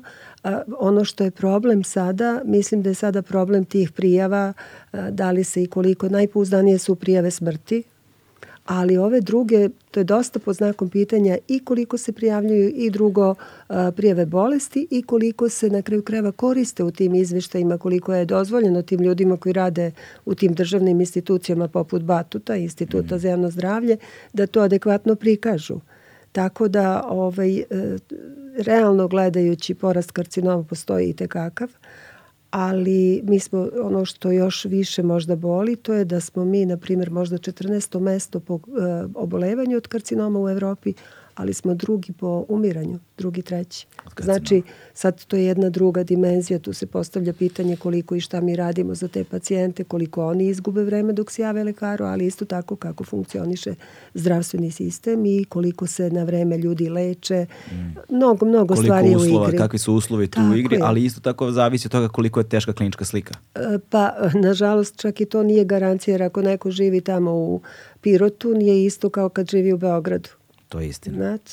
Da. Drugo, tu postoji jedan aspekt, sad malo izlazim iz opsega teme, ono što ja smatram lično, a to je da svako mora da zna sve svoje opcije, bez obzira što kod nas nisu moguće, u, na primjer, u našoj ustanovi, a to je u mnogim ustanovama zabranjeno da kažete da postoje lekovi kojima se normalno leče u Sloveniji, Hrvatskoj ili, ne znam, Italiji i Austriji, a da kod nas jednostavno nije na pozitivnoj listi, nije to ništa strašno, mi kao nemamo para i u redu, ali dozvolite čoveku da bude Upućen. suočen sa svime i da odluči, donese ličnu odluku da li će možda da proda kola ili šta ja znam da se da, oči. Da, šta mu je prioritet? Tako da ja sam uvek za to da, da se to malo ovaj, postavi na noge eh, potpuno mhm. iskrenog i da onda ljudi spram svojih odluka, prioriteta i mogućnosti, nažalost, jer mnogi i nemaju, mhm. da ipak donesu odluke. Mnogo puta se ne kaže pacijentima ništa, nego ajde lečit ćemo i to je, to je ono što moje neko iskustvo i uh, Ne znam što da vam kažem, ja, nažalost. Potpuno je jednako ovo što je gospođa Jovanović rekla, ja to isto vidim u ovoj oblasti kojom se ja bavim. Dakle, hajde da mi građanima stavimo na raspolaganje podatke. Da. Hajde da uporedimo te podatke sa zakon sa regulativom, hajde da uporedimo sa preporukama Svetske zdravstvene organizacije. Mm. Možemo čak da uporedimo jedne sa drugim, sa drugim zemljama i slično. Hajde da mi građanima damo mogućnost da sami odlučuju da vidimo kakve, kako će se oni odnositi prema tom problemu kada budu svi informisani na pravi način. Mm. To je, to je ideja. E, ako vi stavite, znači e, grad Beograd recimo koristi na specifičan indeks kvaliteta vazduha koji je nametnuo nacionalnoj instituciji u ovom slučaju. Pre, pre, što, pre što nastavite samo jedno pitanje. Koliko se naša za, zakonski e, u skladu sa evropskim? Identično. Identični su, okay. Identično samo što se desilo dok se mi s tim bavimo i raspravljamo o, o, o izmišljamo toplu vodu, Svetska zdravstvena je donela nove kriterijume. Okay, nove preporuke. Spustila je ono što je bilo još dramatično. Hajde da onda da pričamo malo sad o tim parametrima da, i šta da. to znači u zdravstvenom slučaju sa vaše strane, a zakonski sa vaše Tako, strane. Tako, dakle, da. e, e, Svetska zdravstvena je septembra 2021. E, još donela novi set preporuka koje su proizvod ne e, gledanja u pasulj i, i u kristalnu da. kuglu, nego dugog niza istraživanja rezultata primene prethodnih preporuka. Mm -hmm. Pa je tako granična vrednost, preporučena vrednost, za koncentracije PM čestica smanjena sa 15 mikrograma metara, po metru kubnom na 5 godišnje. Sad zamislite, Evropska unija... Samo sekund, šta znači pet godišnje? Pet mikro... Znači, prosek svih... Pro, prosek, prosek cele godine. Aha, a, prosek dana u toku godine. Ne, nego prosek svih vrednosti izmerenih u toku godine. A svih vrednosti tako, ukupno izmerenih? Tako. Što je mnogo bitno, zato što je to u direktnoj vezi sa onim što gospođa Jovanović priča, a to je dugotrajna izloženost. Taj prosek na celu godinu, on zapravo govori o tome ako on veći, znači da ste duže vremena bili izloženi nečemu većem. Jednostavno, on je vezan za vreme, to, okay. to trajanje. I sad... Pet je e, preporučeno Svetska zdravstvena, zdravstvena organizacija na godišnjem nivou. Tako je. Samo sekund. Pre... pet, pet e, zapamti. Pe, pet je da... Koliko je kod nas? Kod nas je uh, e, 25 sa prelaskom 2024. na 20. To je poslednja godina kada mi imamo vreme da se prilagodimo Evropskoj uniji. Mm. Na 20. 2024. 1. januara. Što je malo neverovatno za sad pa ne da je neverovatno, nego je potpuno... Zato što raste. Ne postoji. Ovi su 8000 znači, tona izbacili za 7, dakle, za 17 dana. E sad, mi. već u novembru pro, pretprošle godine, 2021. Evropska komisija zaseda i kaže, au, ovi su promenili sad preporuke, ovo su ozbiljne istraživanja kojima su naravno i Evropska unija učestvovala preko svojih institucija. Mi ćemo u najkraćem roku doneti nove mere, nove, nove granične vrednosti koje će Srbija po defaultu morati da, da preuzme. Pre 10 dana američka agencija za životnu sredinu, US EPA, koja je pra, pra majka svih, je donela odluku i da je sama spusti e, tu graničnu vrednost za PM2,5 kao najpogubniju e, pogubniju meru zagađenja vazduha. Da. I sad, šta, šta se dešava? Mi sad pokušamo, kao zec, onaj zec i kornjača. Mi pokušavamo nešto da sustignemo, ubismo se objašnjavajući da ovo što se sad događa kod nas, a to je iznad ovih graničnih vrednosti puta 10. Da je ovako, onako, pa ovi kažu, ba ne, nas zaprašuju iz aviona, ovi nas za ovako, ovi onako. Da. Znači, ludilo. Jedno čisto. I mi ne, pokušamo i uspevamo nekako da dopremo do javnosti, da objasnimo da je ovo što je, se dešava kod nas loše, a onda a istovremeno se dogodi da je ono što smo mi čemu težimo pomerilo se 4-5 puta. I mi zapravo smo u stalnom doc, zadosnjenju. I, da, stalnom kašenju. Stalno smo kašenju i mi ne možemo nikako da sustignemo, a posebno to što dok, dok mi ovo deklarativno ovako se ovaj, busamo i vičemo, sad ćemo mi, ovaj, da, da, ovaj, ne, ne, manje više se vrlo često ne desi ništa. Da. Sad pitanje je, ajde, ajde sad ćemo prođemo kroz ceo taj uh, color chart, a? pa da vidimo, a kažete šta, šta, je, šta je ono zeleno, šta je žuto, šta je naranđasto, da. a doktorka vi, profesorka vi, ovaj, onda to u, u, u, stavite u kontekst zdravstveni konkretno. Dakle, um, ali pre toga, zanima me, uh, pošto eto, spletom okolnosti znam neke stvari o sistemu socijalne zaštite, odnosno nepostojećem sistemu socijalne zaštite i onda recimo ja znam da mi, kao kako ćemo da adresiramo problem osoba, na primjer, sa autizmom, kada mi u Srbiji ne znamo koliko tih osoba ima. Ne vodi se registar. Kako ćemo da adresiramo problem osoba sa Downovim sindromom, kad mi ne znamo koliko ih ima, znači u porodilištima nigde se to ne vodi se, ne vodi se evidencija nigde nikakva. Ne znam da li umeđu vremenu posljednjih nekoliko godina počelo to da se dešava, ne, ne grešim dušu, ali to se nije radilo. Kako mi možemo da odredimo sredstva, ljude, institucije, bilo šta, da adresiramo problem za koji ne znamo da postoji, mislim, ne znamo mu razmera uopšte. A, brojne drugi aspekti a, se uopšte ne mere ili se, ili postoji, znači, ali postoje zakoni koji su određeni to, postoje preporuke, postoje svašta nešto znači, postoje, odluke grada, odluke opština, drža, republički, ovo ono, programi postoje, ali oni postoje svi samo na papiru, u budžetima, u sredstvima, toga nema. I ovaj veliki Ni u ljudima nema. Pa nema, znaš, pa koliko kada šetaš ulicom, u, kada šetate ulicama Beograda, koliko osoba sa bilo kakvim smetnjama često vidite su nevidljivi ljudi, ne postoje, da. ništa, ne, ne, znači ništa nije prilagođeno ni na koji način. Inkluzija je ono reč koja se samo razmeće od nevladinog sektora do, ne znam, ono, državnih institucija, ali u stvarnosti to sve, ne postoji ništa. Dakle, kada bismo sad ovo što sam pričao preneli na, na, na posledice koje ste vi, doktorka, rekli u vezi sa a, novorođenom decom, sa decom u razvoju, sa obstrukcijama plućnim, sa promenama u genima, sa, u DNK, sa, sa, sa hroničnim jakutnim problemima koji se tiču direktno zagađenja vazduha. Da li postoje neke evidencije koje vode računa o tim stvarima? Znate kako, sad je izašla jedna publikacija vezana za 2019. godinu, gde, na primjer, jasno je negde izračunato na osnovu raspoloživih podataka, koji ne, Šta uglavnom, znači raspoloživi da, podaci? Eto, da. Gde je izračunato da je negde oko 9% smrtnosti neonatusa, novorođenčadi, upravo zbog aerozagađenja. 9%. 9%. To nije malo. Nije Ma pa malo. To, je skoro svaka je deseta smrt, znači de, više, jel? Tu pripada tom aerozagađenju. Znači, postoje neke evidencije i neki proračuni zahvaljujući e, da kažem, ko, negde saradnji sa evropskim institucijama i svetskom zdravstvenom, koji kod nas nisu tako opšte prikazani i opšte prihvaćeni. To je odatle i podatak da vezano za kardiovaskularne bolesti negde 16% umire od infarkta, s druge strane e, oko 20% od šloga i tako dalje.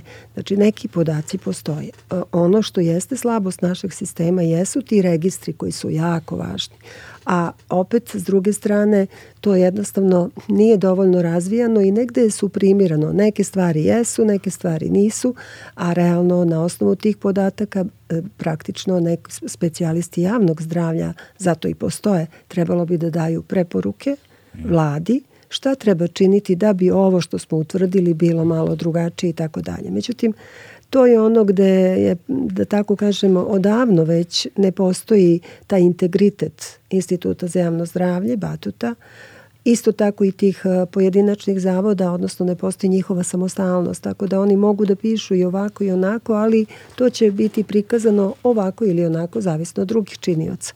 To je jedan veliki problem kod nas i veliki je problem zato što mi, na primjer, zato imamo ustanove gde leže pacijenti i kažu da je to kao početkom 20. veka, a bitne su bitne su jer su tu ljudi koji boluju od teških bolesti, a imate opet ustanove koje ponekad liče i na Vasijonski brod. Da. Znači sve to ima veze, sve to ima veze. Ništa nije bez veze, sve je posledica nečega. Da, e, a s druge strane, kako su, da li postoje sad posledično, da. jel te, a, ovome, ako ne merimo ovo i nemamo precizne podatke, jer to, kao imamo neke javne dostupne podatke, ali pitanje koji su to podaci, na koji način su sakupljani, kako su organizovani, ta statistika cela je vrlo problematična, a onda imamo dalje problem sa institucijama koji ih predstavljaju.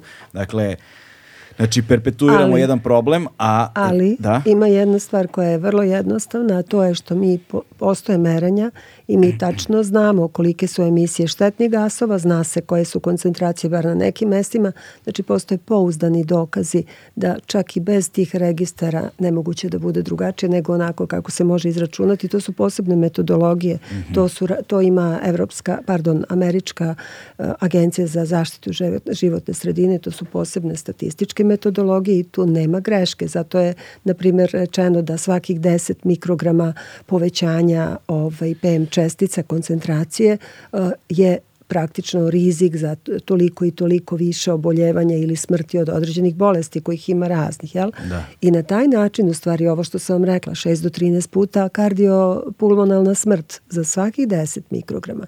I da nadovežem na Dejanovo ovo što je rekao za svetsku zdravstvenu. Uh, To je znači najveća vrednost koju možete preporučena, to je 5 mikrograma. Međutim, kanadska studija koja je skoro bila na ogromnom prostranstvu, odnosno ogroman deo populacije zahvatila i dugo je pratila te ljude, dokazano je da čak i koncentracija koja je dva, dva puta manja, na 2,5 mikrograma po metru kvadratnom dugoročno izlaganje dovodi do značajno povećane smrtnosti od različitih oboljenja. Mm. Tako da toliko je dovoljno podataka jer su drugi već radili da mi ne možemo imati sumnje. Mi nismo neki poseban narod, mi smo isto.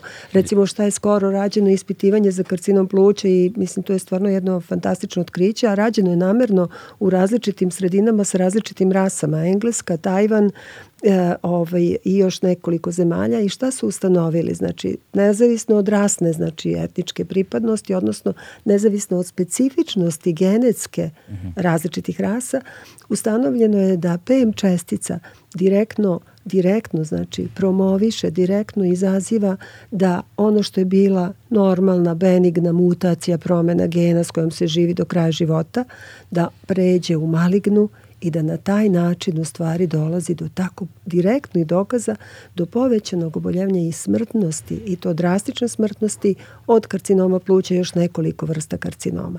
I šta je tu veliko e, saznanje? To je da sama nasleđe onkogena mutacija, znači ona koja potencijalno može da bude i maligna, nije dovoljno da nastane tumor, ali sa zagađenjem, sa PM česticama odlično ide. I imamo savršen miks. Da, Tako da, je. Da. I još nešto što mislim da je vredno i zbog slušalca kazati, a to je vezano za pušenje.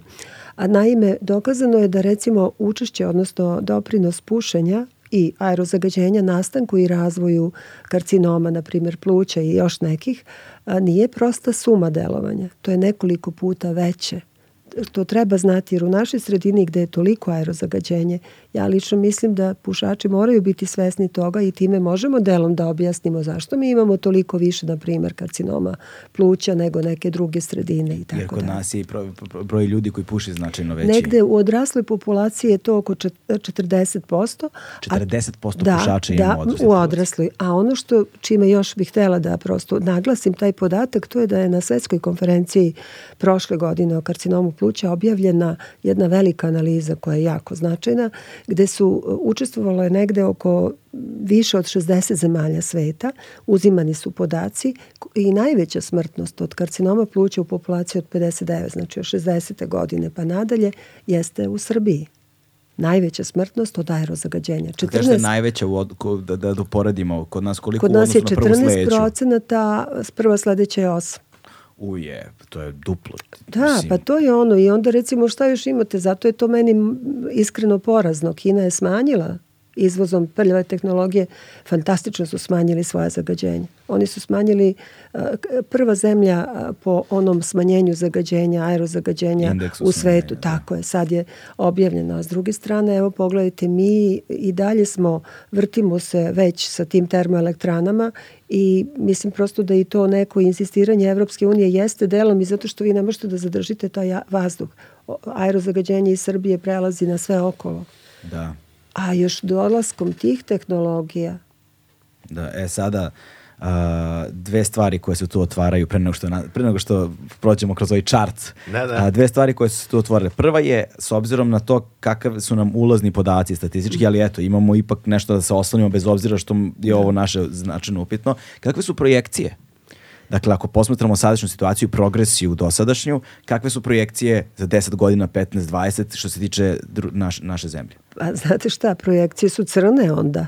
Jer da. ako vi imate stalni porast aerozagađenja, i nemate od adekvatne praktično mere koje se sprovode kao mhm. odsumporavanje i slično, onda nama sledi još veći nestanak. Ja moram da vam kažem da je prošle godine umrlo 50.000 ljudi više a, nego što je rođeno, a pretprošle onih ranijih godina je to bilo 32-33.000 razlika. Znači, jeste bio i COVID, ali postavlja se pitanje veliko zašto mi toliko povećavamo praktično tu razliku između Pa da, ali opet sad, sad evo ja onako laički, vi ćete znati bolje, ovaj, COVID jeste respiratorni isto, yes.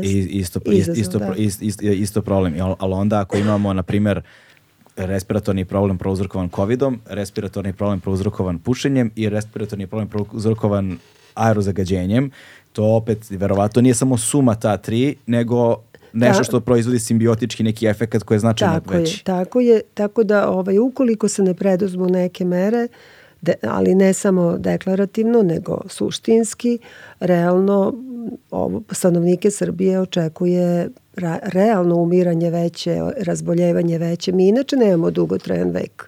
Mi inače smo, samo da kažem koliko je to pozitivno kad bi smanjili zagađenje. Recimo radili su neki Afekom projekat gde su Kako Afekom se zove i to je rađeno u masi gradova koji imaju veliko zagađenje i kad su smanjili to zagađenje za 10 mikrograma, PM čestice, jel? Onda se ispostavilo da su imali za 27 meseci duže preživljavanje srednje. Wow to je ogromno, to znate. Je ogromno, to dve, opet, godine, dve godine. A, da. I opet samo, više. Da, tako da. i da vam kažem samo, jeste da i socioekonomski uslovi utiču na naš životni vek, da, sigurno, ali s druge strane kad pogledate da svugde u Evropi mnogo je duže preživljavanje prosečno nego naše. Yeah. To je, meri se 10 pa 15 godina. To znači postavlja se ozbiljno pitanje šta je s nama. Ne može tu da se kaže da je genetika loš. Da, ne, da. nego znači uslovi života i sve ono što ide uz to, ali e, da, delom da, gde, dobrim... da, gde je tu siromaštvo, gde su to drugi tako, stresori koji tako, utiču na da. psihičko zdravlje. To sam teo da pomenem. A, dakle, pomene, pome, pomene, pomenuli smo problem projekcija, dakle, ovakve stvari. E sada, a, naravno, sad, sad ćemo da proširimo malo ta, ta, te teme, zato što zanima mi još jedna stvar. Evo, počeli smo razgovor time što smo rekli počela je da pada kiša, gledao sam vremensku prognozu, prognoza da će cele nedelje padati kiša, pa će na kraju da bude i neki sneg. Između ostalog, ovo ekstremno zagađenje koje smo ove godine imali, kako su ovi eh, porodice i prijatelji u Milanovcu govorili, ovo je prva godina da nema snega uopšte, znaš, jer sneg kad padne, on pokupi gomilu toga, jel te, nema vetra, nema snega, nema kiše, bilo je onako mirno i onda se to nagomilalo, Milanovac je onako u kotlini jedno i to bude katastrofa, katastrofa. U Beogradu je katastrofalno, tamo je bilo još gore. Ovaj, ali sad ono što ja postavljam kao pitanje, možda bi nam za to dobrodošao neko ko je iz oblasti, neke druge oblasti ko se možda bolje razume, a to je kiša kad padne, ta, ta, ta, ta jedinjenja ne nestaju. Ona negde moraju da završe. Verovatno padnu na zemlju, onda uđu u zemlju. Znaš, I šta se sad njima sad u zemlji dešava? Ovaj, verovatno utiču i na uh, hranu koju jedemo i na sve ostalo što znači da mi onda opet to negde unosimo, možda ne udišemo, ali unosimo kroz ishranu. Da. Ovaj, tako da pitanje kvaliteta te hrane koju jedemo i na koji način ona utiče na nas. Uh, ovaj, sada, sada pitanje koje bih postavio vama pre svega u vezi sa time jeste a, mi smo ovde govorili primarno o onome što se dešava sa plućima, jel te, direktnom, direktnom kontaktu sa aerozagađenjem. Ali šta je sa ostalim organima, šta je sa ostalim aspektima ovaj, posledica od aerozagađenja? Pa eto, na primjer, vezano za nervni sistem, to je jako važno, zato što tu se odražava ne samo na nervno-kognitivne sposobnosti deteta, što sam već pomenula, već i kod odraslih. Naime, utvrđeno je da postoji direktna korelacija sa pojavom demencije, sa mm. težinom demencije kod starih osoba i to je opet potvrđeno na osnovu te imaging metode, na osnovu magnetne rezonance gde se vidi da postoji redukcija te sive mase, kako mi kažemo, mozga. Tačno tamo gde je veće zagađenje, mnogo, značajno češće pojava a, demencije.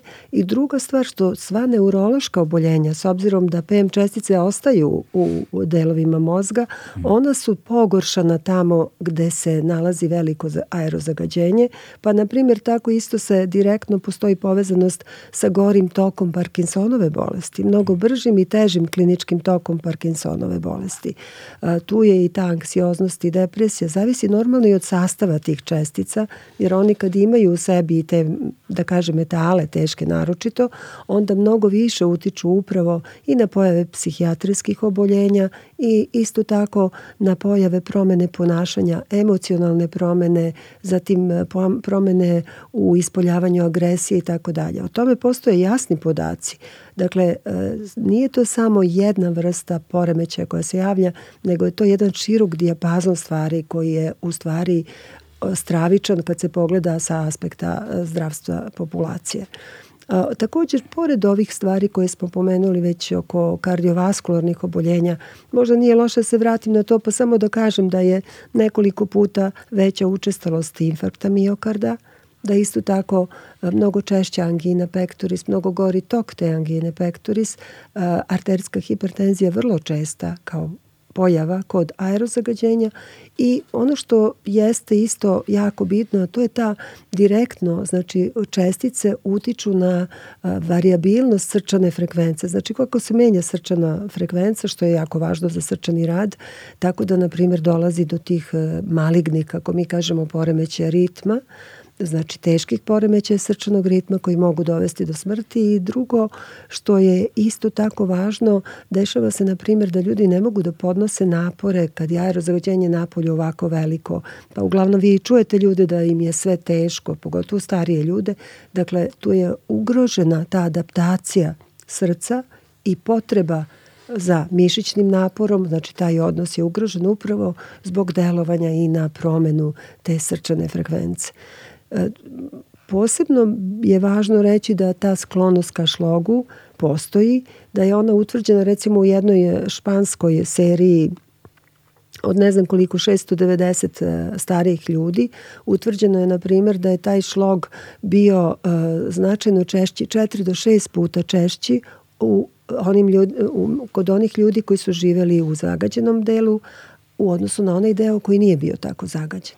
Tako i ogromne serije isto postoje na osnovu analiza američkih studija. Recimo oni umeju da rec, retrospektivno analiziraju, uzimajući sve u obzir ogromne serije preko više stotina hiljada njihovih ovaj, korisnika zdravstvene zaštite i tu je isto ustanovljeno da daleko češće imaju pojave šloga, daleko e, češće pojave teškog šloga koji go, dovodi ili do smrti ili do teških posledica nego što je to slučaj u onim manje zagađenim delovima ali ovaj, sve zajedno to je toliko jasno da sve te bolesti od kojih najviše boluje i umire ljudska civilizacija, da kažem, to je u stvari upravo veliki deo pripada učešću aerozagađenja.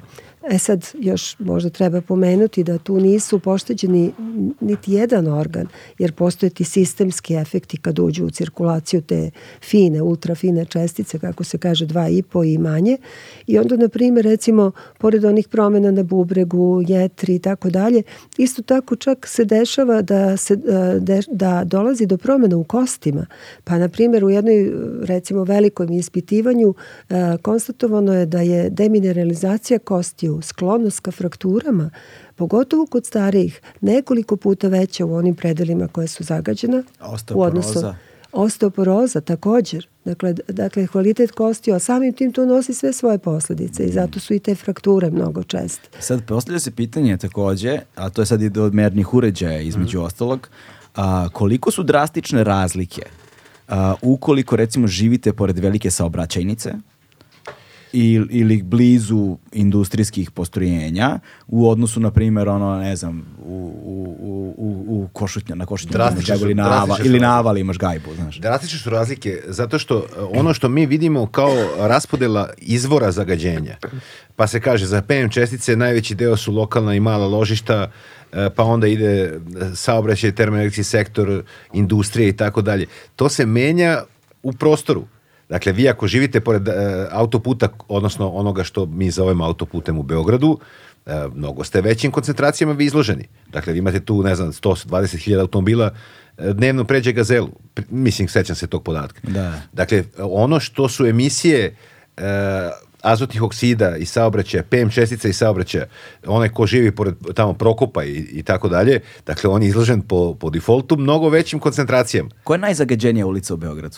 Despota Stefana prema mernim stanicama koje, e, kojima upravlja država. To je beše 29. novembra. Tako je, 29. novembra i to je staničica, jedna mala, to je prva stanica automatska u, u Srbiji, to je jedan mali kontenerčić ispred ovaj, Gradskog zavoda za javno zdravlje, na, da. pored autobuske stanice. Da, da, da. I tu je stalno ima prekoračenja vrlo, veoma tu ne, često. A Kneza Miloša? Kneza Miloša nema, ima kod Mostara, e, a, uh, kod, nema. kod Petlji ima, ag, agencija ima svoju stanicu i ona je prošle godine imala zagađenja, imala je par epizoda azotnih oksida koji su posledica saobraćaja, nekoliko dana i ima naravno ovo prekoračenje trajanja mm. povišenih koncentracija PM čestica.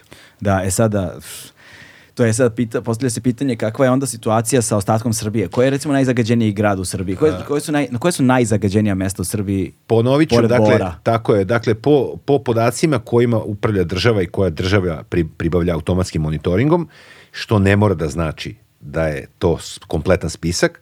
Dakle, prošle godine, 2022. to su Užice, Novi Pazar, Uh, i Valjevo, to je top lista, Smederevo, pardon. No, Smederevo, Novi, Novi, Novi Pazar, Užice i Valjevo, to je top lista nacionalnih uh, nacionalne mreže za monitoring. Čekaj, znači tu Bor nije, a ne, u Boru Bor, imamo katastrofalnu tako je, situaciju. Ovde govorimo o PM česticama, PM dakle suspendovanim česticama. Bor je imao dosta lošu situaciju dok nije započela rekonstrukcija topionice. To je negde bilo april, čini mi se mesec, je zatvorena topionica koja je glavni uzročnik. Da. I krenula rekonstrukcija šta god to značilo, ja ne bih želeo da dam nikakvu Jasno. kvalitativnu ocenu toga, i tada je prestalo. Dakle, Aha. ove visoke koncentracije sumpor dioksida su prestale, situacija se smirila i ta topionica je trebala već da počne da radi, ona da, nije počela ali... da radi, nemamo, ne znam šta se desi. Znači, kad počne, vidjet ćemo šta će da bude. Nešto. Da, ali evo recimo primjer, kada sam, primjer radi kada sam uporedio podatke iz građanskog monitoringa sa ovim državnim, e, da to je čitav niz mesta od e, Gornjeg Milanovca, Čačka, E, Kruševca, Kraljeva, e, da ne pominjem manje mesta, Zaječar, Negotin. Dakle, to su ekstremne, ekstremne vrednosti koncentracije PM čestica. E, sve ispod, znači nešto je bolja situacija, moram da priznam i to zaista i podaci pokazuju u, u, u severu Srbije, dakle u Vojvodini, posebno u istočnom delu, dakle tamo Vršac, Kikinda, tamo su te one su preko, ima neki prekoračenja. U odnosu na Svetsku zdravstvenu organizaciju, apsolutno su sva mesta gde se meri prekoračena. Da, da, da, da, da. tu priču završimo. Da, da, dakle, ne postoji ni jedno mesto u Srbiji koje da, u skladu su, s preporukom. Ovi su malo bliže Rumuniji, Ravnica, je, Kadune, Ravnica, Vetar. Dune, Vetar, tako nema industrije i dosta dobra toplifikacija. I to su sad ta tri uzroka, odnosno razloga e, zbog kojih oni nisu, nisu mm. toliko izloženi e, tim visokim koncentracijama u dug, dugim dugom trajanju. Da, da, da. A možda treba i naglasiti, na primjer, da je negde blizu 60% 2014. bilo izloženo 60% stanovništva, da je sada 100%. 100%. To, tako je, to je ovo da se meri, pošto su ti podaci, ovo što Jest. je e, gospođa Ivanović pominje, to su podaci iz ovog programa, programa zaštite vazduha do 2030. To su ti podaci da. i oni koriste ove državne stanice mm -hmm. i zaista 2014. E, je bio taj procenat, 2019. koja je poslednje godine u njihovoj analizi, ja mislim 95, ako, da. ako ne i 100. Da. Možda ima jedna stanica koja nije. Da. da. Ali u odnosu, to su u odnosu na zakonsku regulativu. U odnosu na preporuke zdravstvene je 100.00. Da. da, da, da, da, znači nema niko da je ništa, Nema niko ko živi u skladu sa preporukama, a bez ja... obzira makar na Koponiku živeli. Pa... Bez, o, pa, Koponik, da vam kažem, tu ima drugih stvari koje, koje utiču, ali obzirom na urbanizaciju koju da. znamo šta se događa, vi samo od gradilišta ćete imati povišene, povišene PM čestice. Pa da, da, to je, jer tu sad nisu pitanju ni ove, znaš, te, te sve neke, jer različite industrije utiču. Primer, radi kamenolom, ako nije regulisan kako treba sa prašinom koju proizvodi da. i pravi katastrofalne... Sjetite se, to je vrlo česta stvar koju smo svi doživeli. Znači, kad se prođe Užice, da. kad da. se ide na more, koji je išao da. u Crnogoro moru, prođe onim uzbricom, pored onog kamenoloma. Da, I da. vi se često nađete u oblaku dima. Da. Pa to je to. To je to. To je to, a to su... I e sad to negde leg, ne ode to. Možda nisu dva i po? Možda nisu dva i po, ali, ali su, neke jesu. to, to, su, to su te stvari. I sad vi, e, ljudi kažu kako, evo to smo imali sad skoro, kaže posle ponoći, to je neka tajna, ovaj, tajno društvo ima zaverenika koji tvrde da posle ponoći nešto dešava. A gde bi oni ne želi da nestane to? Gde bi oni želi da nestane e, ovih koje sam pomenuo 8 miliona kilograma sumpor dioksida? Samo sam sumpor dioksid pomenuo. Iz tenta kada, kada oni prestanu da greju svoje male e, kotlarnice u zgradama. Šta je bilo s ovih 8 miliona kilograma? Dakle, to ne može da nestane. Da. Jer kao kada e, e imate neku žurku u stanu, pa bude puno gostiju, pa se recimo ako do, e, dozvolite pušenje unutra, kad treba da provetrite tu prostoriju, kad otvorite prozor, napravite promoju, pa ne, ne očisti se to za jedan sekund. Da, da prođe neko vreme, znači mora da to postoji... Nekad Boga mi prođe dva dana. Da, neki put i dva dana, da. tako je, dakle, ta masa vazduha koja je unutra uh, sa nekim česticama koje imaju neki miris, da ne kažem smrad, da. uh, ove, one, one, one ostaju tu, znači to dok se napravi cirkulacija. Isto je i sa planetom. Mm. Mi se bukvalno pravimo kao da, kao da nam ništa nije jasno. Uh, znači, mi emitujemo enormne količine, enormne količine zagajućih materija i kaže, pa evo, mi smo pre pola sata smo mi prestali I, a šta, čekaj, šta je bilo s onim? I gde to sve završilo? Gde to otišlo? Pa, a, a gde vi zamišljate da otišlo? U svemir. Da. Mislim, to je jednostavno nepoznavanje trivialnih stvari. Ja se bojim da, da mnogi nastavnici geografije, biologije i ovaj, koji predaju školama, da, imaju, da će imati u budućnosti kad ih budem sretao veliki problem sa mnom. Jer ljudi zaista nemaju trivialna saznanja da. o tome šta znači atmosfera, šta znači e, površina zemlje, šta znači slojevi u atmosferi. Ne. Stvarno je neki put, neki A put... Me, ono, da, ono što, za, ono, što, ono što zabrinjava jeste sad koliko mi imamo, s obzirom na posledice koje ste profesorka naveli uh, u vezi sa razvojem dece i u prednatalnom jel te, periodu i jel te, jel te, u trudnoći i to, nakon trudnoće u tom najranijem detinstvu, ovaj, koje, koje, koje, koje prave ozbiljne poteškoće u razvoju intelektualnom, emocionalnom, razvoju mozga na različite, znači pored drugih organa, znači pored drugih stvari u, u vezi sa, sa problemom razvoja deteta, uh, šta ćemo da vidimo ovaj, sa klincima kada, ne znam, sa đacima, prvacima za 10 godina ili za 20 godina, za 30 godina, šta, kakva će slika, da iz, kako će ta slika da izgleda? kako ta slika da. izgleda danas u odnosu na pre 15, da. 20, 30, 50 pa, godina. Očigledno je, recimo, vi stalno slušate kako mnogo je porast astme u našoj sredini. Znači, mi znamo već, mi već imamo podatke da je mnogo više obolela deca od astme i nego što je to bilo recimo pre 10-15 godina. To se direktno ne vezuje kad se pominje sa aerozagađenjem, ali sigurno da ima i tekakve veze jer je i dokazano na kraju da direktno utiče na pojavu i razvoj astme, a direktno utiče i na kakav će biti, kakva težina astme će biti. Onda isto tako vi znate da masa omladine boluje danas od insulinske rezistencije. Da, baš dosta ljudi e, zna koji sad je, Tako je. Sad je pitanje tu da li ovo aerozagađenje, jer mi nemamo te podatke, da li je to direktno i aerozagađenje nije uticalo, međutim, drugi su pravili analize, pa se a, tačno zna i precizira i kaže se da je, na primjer, jedan od osnovnih mehanizama delovanja tih finih čestica na nivou ćelije upravo u tim endokrinim organima i da dovodi do insulinske rezistencije, da ne objašnjam biohemizam koji je isto jasan, znači poremeće metabolizma lipida, masti i isto tako recimo poremeće rasporeda masnog tkiva u organizmu i već od ranog detinstva praktično ide ta insulinska insulinska rezistencija, najčešće to su mladi koji uglavnom od toga mhm. pate. I to je veliki procenat. Dakle, postoje dokazi da je to direktna posljedica aerozagađenja.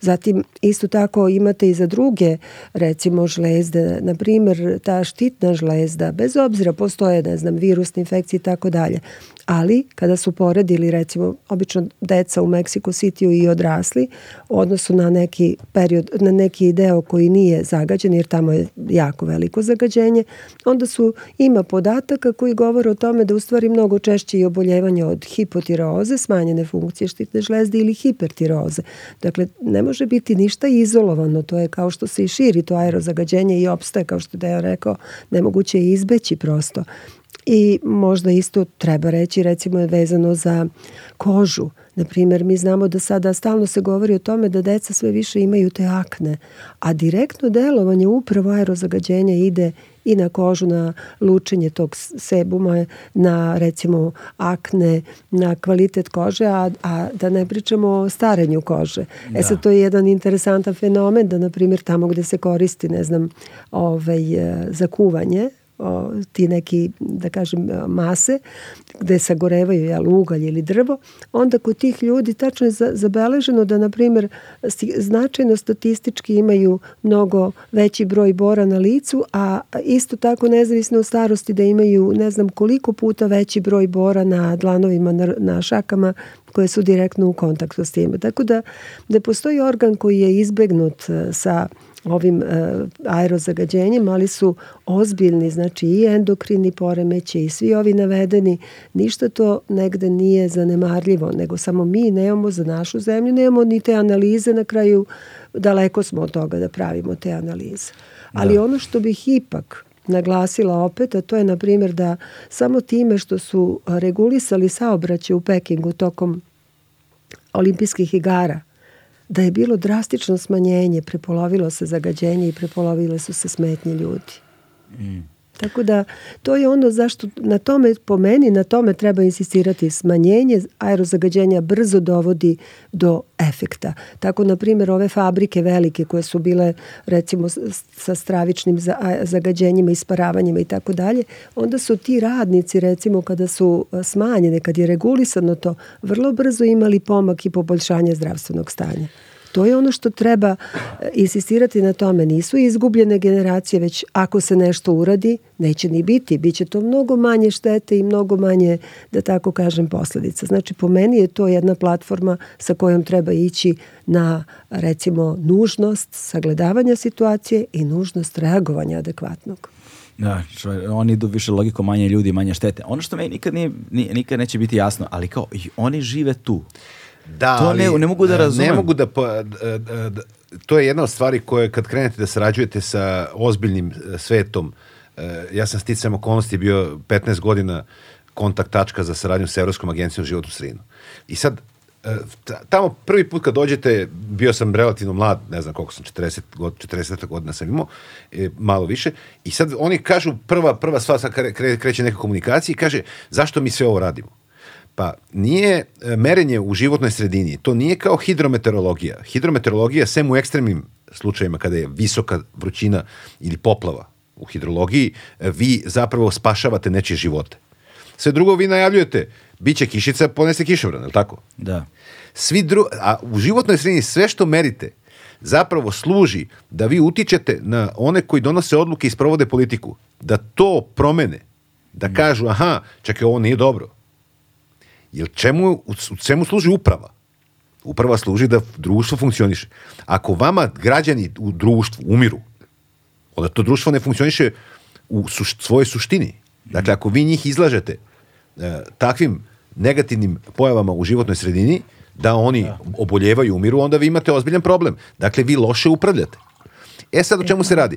To je ovo što je e, e gospođa Jovanović govorila, dakle, rezultati su, mogu da se postignu relativno brzo E, i da vidite, na primjer, smanjenje aerozagađenja iz saobraćaja, boljim upravljanjem saobraćajem, e, o ovim prečišćivačima vazduha na velikim termoenergetskim postrojenjima, e, poštovanje zakona u količinama emisija iz industrije i tih postrojenja, promenom načina grejanja, promenom zamenom subvencijama za kotlove i kotlarnice, zamenom kotlarnica u javnim ustanovama, školama, bolnicama, državnim institucijama, evo nabrojao sam nekoliko. Da, da. Vi bi u roku nekoliko godina imali već rezultate vidljive, smanjili bi se ti vrhovi koje mi vidimo ovih dana, recimo prethodnih dana je bilo par njih. I onda bi rekli ljudi, aha, čekaj, evo sad je crveno, ali nije ljubičasto.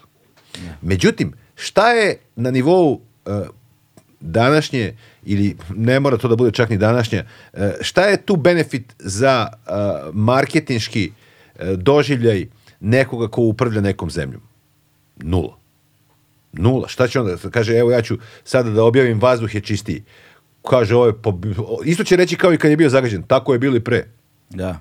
Znači, nemam nikakav, ne vidi se nikakav materijalni dokaz Konkretan mog uspeha. Da. Tako, znači, ja sad mogu šta, mašem rukama i vidim, vidite mi ruke. E, slikam sa Beograđanke ili ne znam, sa, sa kule ove i kažem, aha, eno, vidi se do, do Novog Sada. Kako ću ja to materializovati? To što sam ja očistio vazduh. Pa tako što će objaviti Zavod za statistiku, Institut Batut, da je ove godine prošle e, umrlo manje ljudi od tih i tih bolesti. Ja, dok to dođe, ja sam već prošao voz. Prošao mandat. Tako je. I sad to je ono što ne, mi ne možemo da, da, da, da razumemo da je suština tog upravljanja zapravo primjena civilizacijskih vrednosti. Ovo nisu samo vrednosti Evropske unije. E, Dragana je pomenula više puta Kinu danas. Dakle, to je vrednost, znači, jedna civil koja je još starija, je tako, od evropske i kineska civilizacije. Dakle, to je vrednost civilizacije. Ljudi su uh, došli do zaključka da je besmisleno da neki ljudi umiru ranije ili da oboljevaju od bolesti koje je moguće bilo preduprediti. Ja ne znam zašto je to toliko teško shvatiti. E, zato što je vrlo vjerojatno lakše e, ovaj, uživati u svom sadašnjem trenutku. A ne, ali opet razmišljam o tome, naš, bilo bi dobro sad da imamo tu nekoga ko bi mogao da, po, da, da govori o tom finansijskom aspektu. Dakle, e, taj finansijski aspekt, ja sam o tome, time sam se dugo bavio. da? Je, da, dug, baš sam se dugo bavio. Re, evo recimo 2014. godine ja sam lično išao ispred agencije životnu sredinu u Ministarstvo financija. Pazite, dakle, nije stvar sad ovde u uh, zaštiti kvaliteta vazduha, nego da bi obezbedili sredstva za monitoring kvaliteta vazduha, koji je jedan sastavni deo a, e, tog problema i deo sistema. I mi smo tada tražili, zato što je ukinut fond za zaštitu životne sredine 2013. godine, mi smo tražili da Ministarstvo financija preuzme na sebe obavezu bar minimalnog, ono, tihi rad, minimalnog održavanja tog sistema od 28 plus 7-8 stanica, 35 stanica u Srbiji, E, kojim bi se građani obaveštavali i vršio monitoring letova. Znate šta, me, znate šta je meni rekla pomoćnica ministra? A nemojte me zamajavati sa tim vašim. To je kikiriki, meni čeka, ovdje me čeka železnica, treba da im damo 300 miliona evra. Vi mi tražite tu 2 miliona, nemojte me, gubiti, gubim vreme s vama. Eto, to je to. Da. Ona gubi vreme, ja, ja pokušam, kao što i vama sad ovdje pokušam, da je na jedan pristojan način, normalan način, uh, argumentovano objasnim neku stvar i da je jako bitno za građane da imaju tu informaciju, e, da to pra, zapravo čini jednu kritičnu masu ljudi spremnih da to promene. Da, a postoji sad recimo i taj aspekt da koliko se struje proizvodi, ovaj, i koliko sam razumio mi jedan deo struje izvozimo ili prodajemo, ali tako? Ovaj, Kako kad? A, da, a onda je pitanje kao ako bismo stavili, ne znam, sve te kolektore na dimnjake, na ovo, na ono, da bi nas to koštalo onoliko koliko za, se zaradi zapravo tim izvozom i kao to im se ne isplati. Pa uvek bi nas nešto koštalo. Da, ali, ali samo da, hoću kažem, da čekajte, da to... koga bi to koštalo? Ajde da vidimo koga bi da, to koštalo. Da, pa koštalo, ta, da ne, a ko je ta država? Da. To ste vi, Tako je. to je Dragana, to je vaš kolega, to sam ja. Nas bi koštalo. Pa pustite vi nas da mi odlučimo da li hoćemo da nas košta. Tako je. Nemojte vi da odlučujete u naše ime šta, šta će nas da košta. Tako je. Ja ne znam kad smo mi glasali, uz dužno poštovanje svim donosiocima odluka, ja ne znam kad smo mi glasali za da li, da li nam je potrebni nacionalni stadion od, od, eh, od, od čistog vazduha. Ne sećam se toga. Ne sjećam se nije. Ja, ja bi voleo da vidim, znači postoje izbori, oni su, izbori su dali svoje rezultate, svaka čast. Ali ne sećam se, nikada smo glasali za, za nacionalni stadion, nikada smo glasali za rušenje mosta na, na Savi, nikada smo glasali, a umesto, govorimo ovo u kontekstu, to radimo, a nemamo dovoljno sredstava da se bavimo problemom zagađenog vazduha. Pa kako je to moguće? Mm. Da. Da, da, to jeste, e, sa, hajde sada da prođemo kroz ove, kroz, kroz ove boje, jel te, ovaj, jer smo rekli još na početku da smo dužni da objasnimo zapravo šta znače te preporučene vrednosti, šta znače te granične vrednosti i na koji način se one određuju i kakve posledice zapravo stvaraju, sad ljudi, ja znam većina mojih prijatelja ima aplikaciju, ono Air Visual je uglavnom ona koju koriste svi i, ovaj, i kaže ovako, dakle, prva je zelena, to pretpostavljam da je, to da su preporučene ili E, sad ćete, Ajde, da, e, te... o, to je good. Znači, to je ono što je e, neko prirodno stanje koje se očekuje u savremenoj okay. civilizaciji. To je dobro, to je nešto što možemo smatrati. Mada tu kaže da taj, to zeleno ide do, ne znam, 40, jeste, jeste, Nije to, nije to baš super. Da, da, da. Nego je to kako da kažem, good. E, dakle, to su arbitrarno određene kategorije. Te kategorije nemaju direktnu vezu sa mm. nečim što bi mi mogli da sad kažemo, a to je toliko živih ili toliko mrtvih ili je toliko kašlja, ne, ne kašlja. Dakle, to, to su arbitrarno određene kategorije i one su uh, jedne na nivou uh, Sjedinja američkih država, a druge su na nivou Evrope, one su vrlo uporedive. Mm-hmm, okay. Te kategorije, Evropska unija ima ih šest, i ima ih Sjedinje američke države šest i te kategorije su uporedile i idu, znači, dobar, zelena, onda ide prihvatljiv život. Dakle, dakle, dobar zelena je dokoliko? E, to bi sad morao da pogledam e. tačno u aplikaciju, ali nije to, nije, nije to, znači, ta, ta, računica, opet, ona je različita za US, mm -hmm. US AQI, da, da. i EU AQI nije ista računica. A, okay, okay, okay. Ali kada ih stavite jedan pored drugog i primenite sve matematičke formule koje oni daju u, u opisu toga, vi vidite da se to e, što se kaže pogađa se. Da, da. To je manje kada, više. Kada stoji narandžasto i piše da je uh, za osjet... srednje, tako ne, je. nego za da da osetljive grupe mogu da, da imaju problema, šta to znači? Pa to znači u stvari kad se govori o osetljivim grupama, to su da. deca pre svega Aha. i to su stariji Odnosno, da ja, se da ja otvorim aplikaciju paralelno da, da nađem ceo čat. U redu. Da, da, I to su stariji ljudi, naročito oni koji imaju druge bolesti, bilo koje starosti. Znači ljudi mm. koji boluju već od kardiovaskularnih bolesti, ljudi koji da. imaju pulmološke bolesti, pulmološke probleme, zatim isto tako mm. a, ljudi koji imaju neke druge, recimo sistemske bolesti i slično, jer tu dolazi do izražaja opet još više taj negativan uticaj aerozagađenja.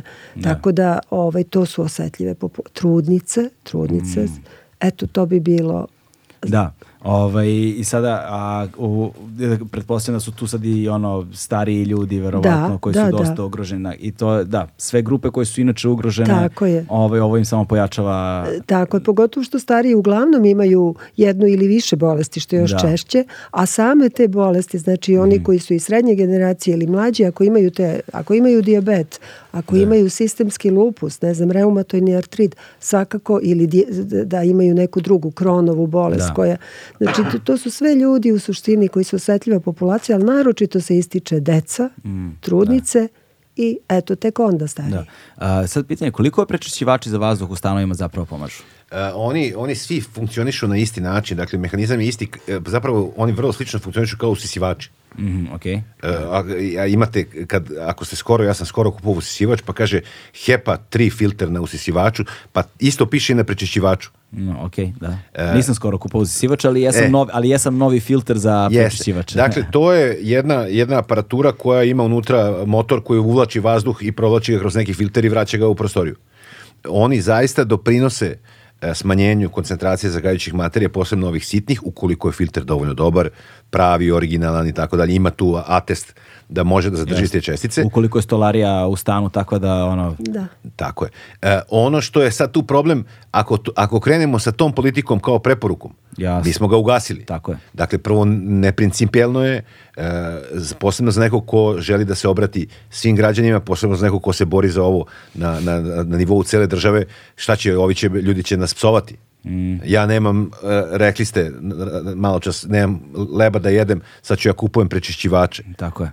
E, dakle, to je ne, neprincipijelno je tako da. nešto podržati, ali svakako da smanjuju. Uglavnom, gledali smo svi ovih poslednjih godina na društvenim mrežama re, ovaj, demonstracije toga kad čovjek otvori prozor, da, da, ono da, mu da, da. skoči na meraču, onda on zatvori onoga, onoga spusti. To zaista to, tako i radi. To tako radi, a da. tu ima još jedna stvar koja je važna, a to je kad pogledate analize, na primjer, taj prečišćivač odlično radi, međutim, kad je već neko izložen manjoj količini, postoji takozvani leg, znači nekoliko par dana pre toga i par dana posle toga, iako vam pokazuje da je sad već pristojna, posledice zdravstvene su tu. Mm. Znači kad nije ta koja je prekoračena zbog koje ste videli da ovaj prečišćivač radi intenzivno. Tako da nije mislim to je odlično sredstvo kao i nošenje maske na polju kada je veliko zagađenje i Koje maske na polju pomažu? Pa u principu trebalo bi da budu baš one e, jake maske da bi sve, ali i ove ka N95 pomažu jer ipak filtriraju neke neki deo, tako ali moraju da prijanjaju baš jeste, onako. Jeste i onda se postavlja pitanje veće koristi ili štete jer na kraju krajeva videli smo već psihološki prvo to, da. drugo ne možemo nije valjda da ćemo tako da živimo zato što neće da se uloži u ono što treba rešavati. A znate šta sam primetio takođe, ka, ka, jel te, sa covidom, mm -hmm. kad mhm. smo svi počeli da nosimo maske, primetio sam da je broj bakterijskih uh, o, upala pluća zapravo... Ma i svih bolesti. I svih bolesti. Zato, zato što sve, sve vreme vi dišete taj jedan vazduh, on ne propušta mnogo. Znači, prvo ste i uskraćeni za kiseonik donekle. Da. Jer oni ako prave dobru trijažu čestica, automatski vi kad udišete, ne udišete taj stalno vazduh, nego se vrti i vaš izdahnuti i udahnuti. Mislim, to ima mnogo ovaj, loših isto posledica i to nije rešenje na, na duge staze. To možete recimo u kratkom vremenu Da. Sve ovo drugo nije dobro. Nije da, dobro. ili ono kad se zatvori cirkulacija vazduha kad stavi u kolima, na primjer. Znači, isto ona je. smanji nešto, nemam pojma. Ne, on ima isto neki filter, ili tako? Da, da. U autu ima da. neki filter i on zadrži. Ja, ja, ja često... Ovaj... Ali koliko je to, izvini, koliko je to, izvinite, koliko je to distopijski svet, ono, imam prečišćivač u kući, pa onda stavljam masku da sedem u auto, pa uz auto. Ali zato... to, je, to je ludilo. To je potpuno nenormalno. To je potpuno nenormalno. Mi, šta se, šta se... A ja, je ta, ja tako živim. Jeste. Šta se zapravo događa? Mi kažemo, mi smo, civilizacija napredila, tehnologija napredovala, mi plaćamo cenu industrijskog razvoja. Da. No, tako, to je to je ovo, ja evo pomno slušam šta gospođa Ivanović priča, znači to, mene glava zabola od tih, od svih bolesti, već sam počeo da razmišljam o svemu tom. Da. Vrlo, vrlo ovaj, ozbiljno. I nije mi dobro. E sad kaže, ali dobro, to je sve posljedice industrijskog razvoja e, i sad kad bi rekli pojmove poput mikroplastika, odlepili bi svi. Da, da. Uh, međutim, šta je? I time se upravlja. Kao što se upravlja sa rizikom da e, isklizne cisterna na, na pruzi. Oh, da, Tako se upravlja sa svim drugim. Dakle, vi morate da imate sistem kojim možete da upravljate onog trenutka kada je vama cena koštanja bolesnih, umrlih, danova, dana bolničkih e, lečenja veća nego ono što vi treba da potrošite da taj vazduh očistite. K kada vi to propustite i čekate da nešto se desi drugo, mm vi loše upravljate sistemom. Da. Veoma je, veoma je jednostavna stvar. Znači, cost benefit analiza. Vas to više košta nego što je bilo kakvu korist imate. Da, da. Ali je nesreće što to te ljude koji imaju tu moć da odlučuju da sprovode, to ipak da nedovoljno zanima. Meni je asocijacija na onog japanskog ministra saobraćaja, kad je došlo do toga da je zaspao, valjda je bio i bolestan taj koji je vozio ovaj da, metro, da. taj čovjek se posle ubio iz moralnih razloga kod nas. Kao što vidite, to je i podsmevanje nekim temama, što je e, ipak strašno i onda kad postavljate pitanje kako nekome ne smeta, pa mnogima ne smeta jer žive u zelenoj okolini, u svojim velikim kućama i tako dalje. Dakle... E, ima i to, naravno. a drugo ja bi, i ne žive stalno u Beogradu. Ne žive samo, stalno u Beogradu, ali ima još jedna stvar. Ljudi stiču jedan vrlo pogrešan utisak koji je najčešće na nivou tinejdžera. Da time što će svom nekom u hjerarhiji realnost prikazivati u ružičastim bojama. Da, da će to biti neka njihova korist i benefit. Put da. ka uspehu već. Dakle, to je potpuno besmisleno. To je kao ponašanje deteta e, kad dođe, dobije e, jedinicu u školi, dođe kući i roditelj ga pita pa šta je bilo? Jao, nije bilo ništa, sve super, igro sam se s drugarima. Eto, to je to. Da. Znači, to je zavaravanje sebe. I onda kada ste vi na policiji da s tim zavaravanjem sebe, na koje imate pravo, Ali ako ste na poziciji da tim zavaravanjem sebe zavaravate da. 6,5 miliona ljudi, da. onda to postaje problem. Znači, ne možemo mi, da, ne možemo mi da, da razgovaramo o vazduhu u Beogradu nakon pet zakona, šest studija i programa zaštite koji eksplicitno govori o tome koji je naš problem. Nemojte ljudi da brinete, košava će rešiti sve. Dakle, da, da. to, to je već zloupotreba.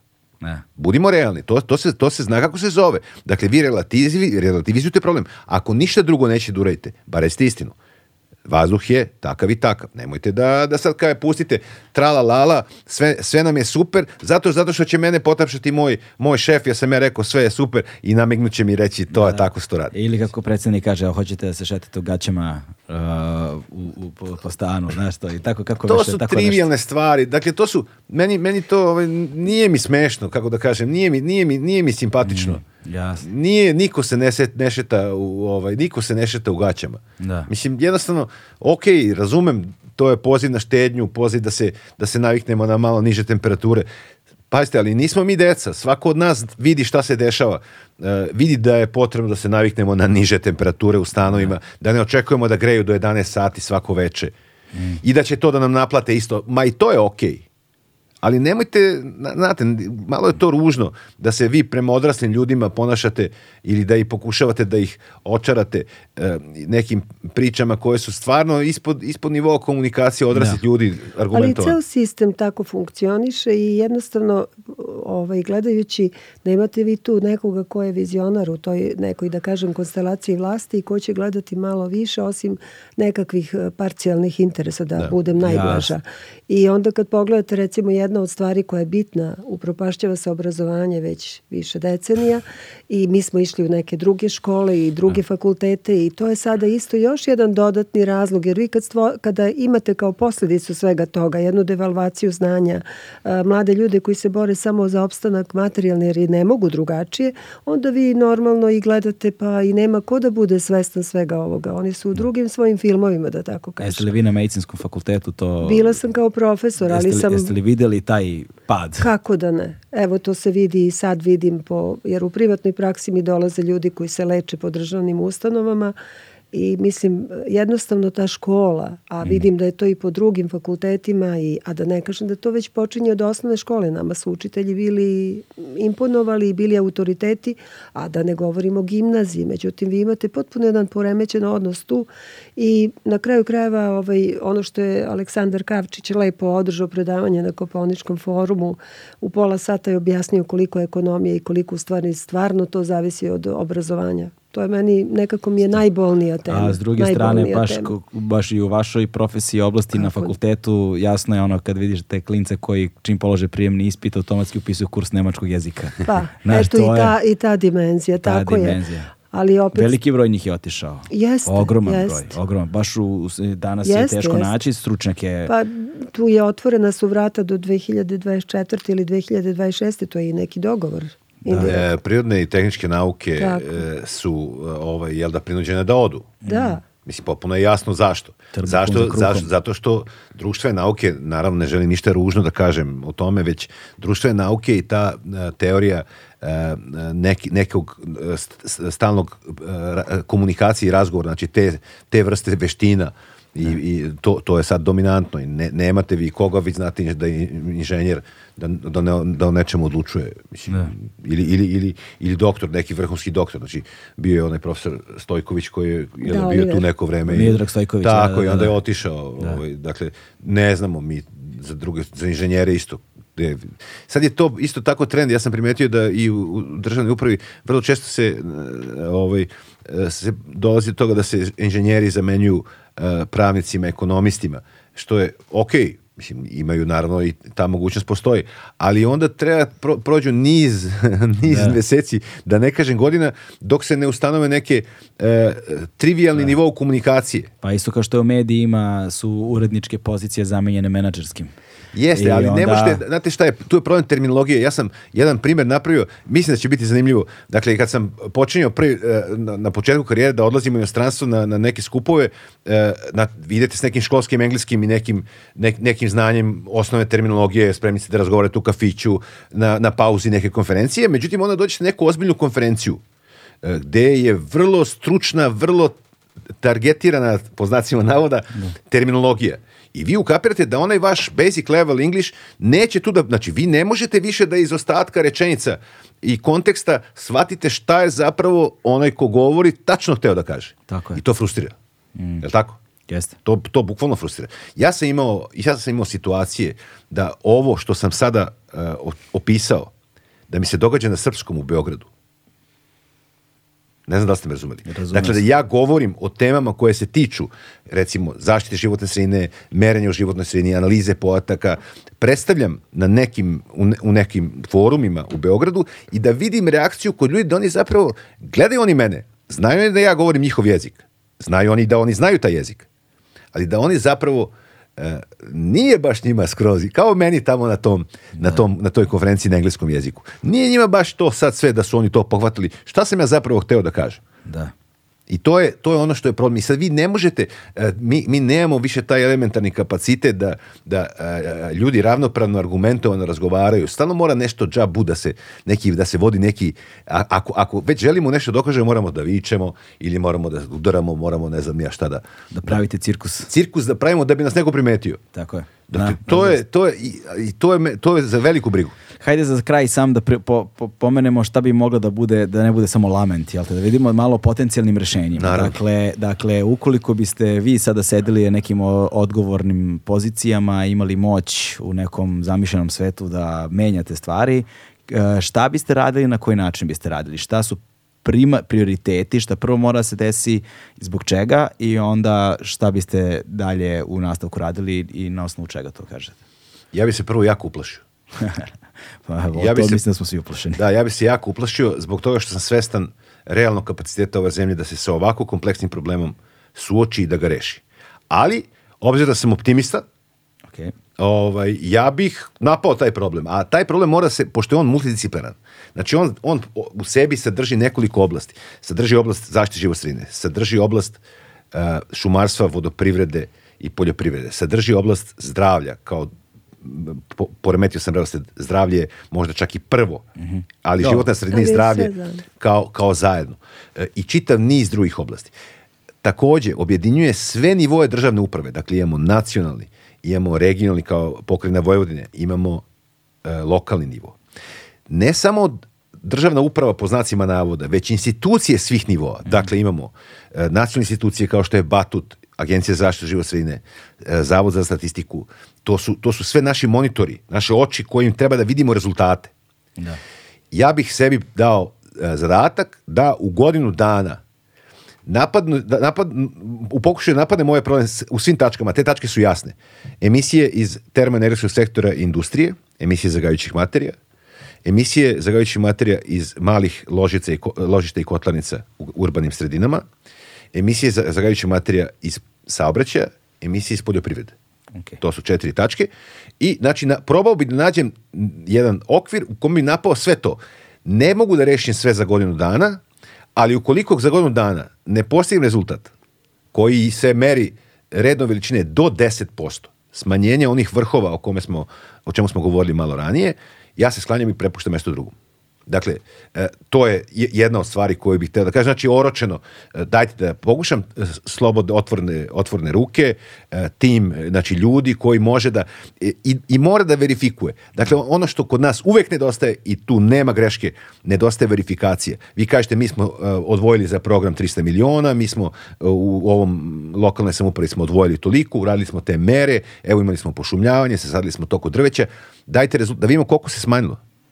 Posle godinu dana. Nije smanjilo. Posle tri godine. Je se smanjilo? Nije. Nije se smanjilo. Pa, znači, ne, ne samo dobro. što se nije smanjilo, nego je poraslo. Tako je. Dakle, znači, vi morate da imate verifikaciju svojih rezultata. I ja želim da podsjetim, ovo nije nešto što ja insistiram zbog toga što sam, ne znam ja kako, kritički nastrojen. E, Republika Srbija već 7-8 godina ima nešto zove programski budžet taj programski budžet je takozvani projektno orijentisan budžet, gde vi u svaku aktivnost, vi morate kažeš, to je projekat koji je vezan za taj taj program. Taj program je vezan za taj zakonodavni okvir. Njegovi indikat, njegove mere za sprovođenje su te, a indikatori uspešnosti sprovođenja su ti. Da. Ja apelujem u oblasti zaštite život sredine. Ostale oblasti prepuštam drugima. Da mi neko pokaže jedan od tih programa gde je dostigao te indikatore u jednoj oblasti u poslednjih 10 godina. Ne mora 10, evo 20 godina. Jedan indikator u jednoj oblasti. 20 godina pomnožite te budžete Ministarstva životne sredine u poslednjih 20 godina. Možemo da se vratimo sad, to je ne znam koliko, 3, 3 milijarde dinara, 5, ne znam ja sad koliko je to u dinarima i u evrima. Znači pomnožimo, to su milijarde evra. Potrošene. Potrošene za nešto što je bilo definisano šta nije, je da- to? Što nije dalo nikakav rezultat. Tako je, šta je to, koje su mere za sprovođenje toga koje, i koji su indikatori da li je to bilo uspešno. Znači, to je da. napisano da. tamo. Što, što onda implicira negde da zapravo sredstva za rešavanje problema ne nedostaju. Upravo to tako. implicira, znaš, jer, jer, jer, kao mogli bi su, ja kad bih razmišljao, ja bih postao onako laički kao neko ko nema veze sa ovim stvarima u suštini a, i to je ono što je druga stvar, to je stvar koja meni najviše smeta, kao jednostavno niko ove zemlje, što se osjećam da moram da imam doktorsku disertaciju i svake teme koja me potencijalno zanima da bih mogao da donesem odluku da li da verujem instituciji ili ne. Znaš, i da li da se vakcinišemo, da se ne vakcinišemo. Galebe, znaš. zato što na svako pitanje odgovara znači, e, neko sa vrha. Dakle, ne možete, vi morate da, da morate napraviti tim ljudi, vi morate delegirati odgovornost. Ne da. mogu ja da znam sve bolje od, od drugih. To je besmislica. Znači, pa, ja besmislica. mogu, ja samo neki niz, ograničeni niz stvari mogu da znam relativno dobro. Da. Verovatno ni jednu stvar ne znam bolje od svih drugih. Mislim, ne verovatno, nego sigurno. Ali imam, znači, do, dovešću ljude koji znaju svako po nešto. I onda ću ja tim ljudima da, ne samo što ću da im e, dam da rade za mene i da ih ja, da ih ja maltretiram, već ću da im dam i odgovornost za da. to što, e, što rade i oni će preuzimanjem te odgovornosti osjećati se dobro, će raditi nešto u timu za svoju zemlju. Da.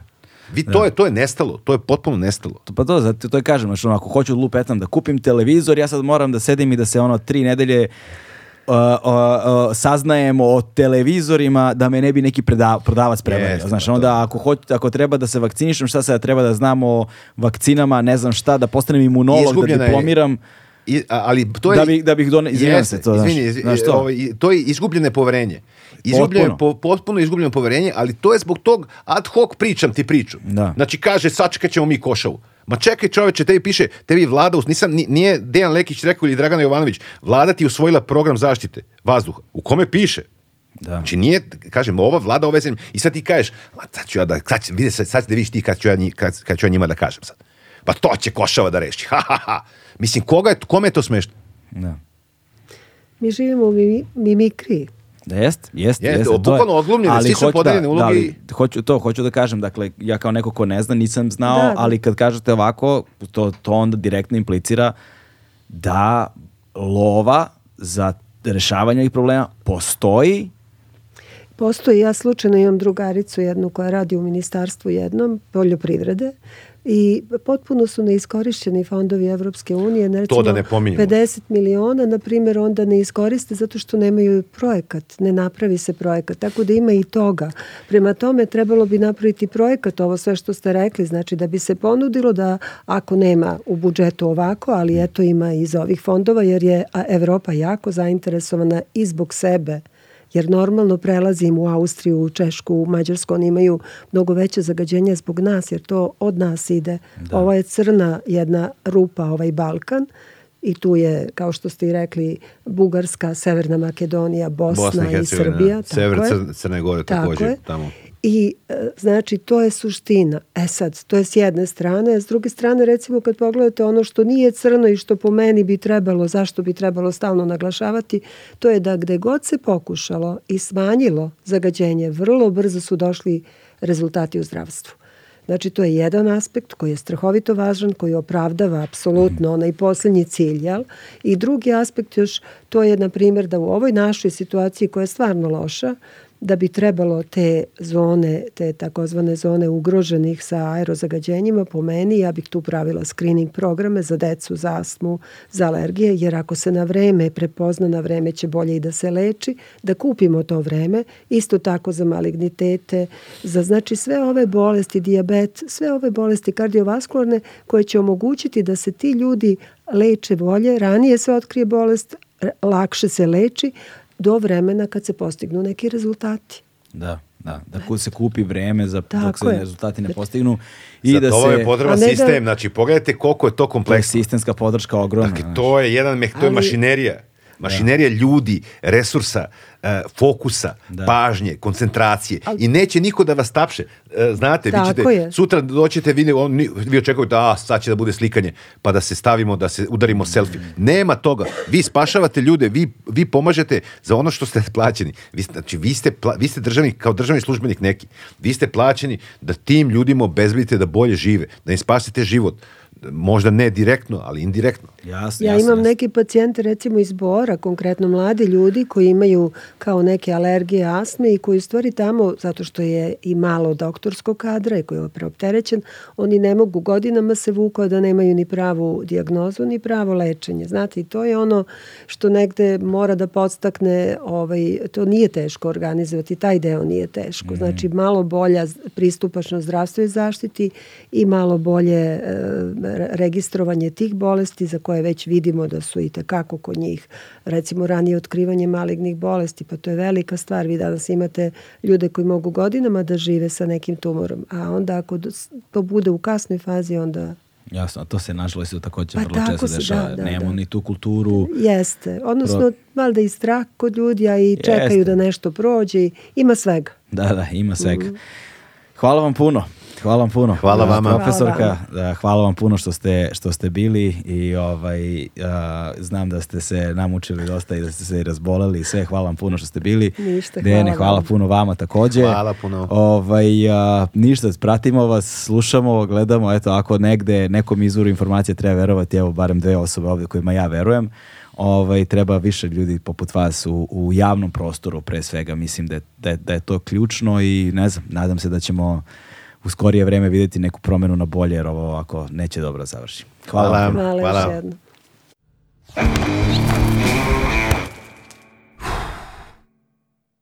Hmm.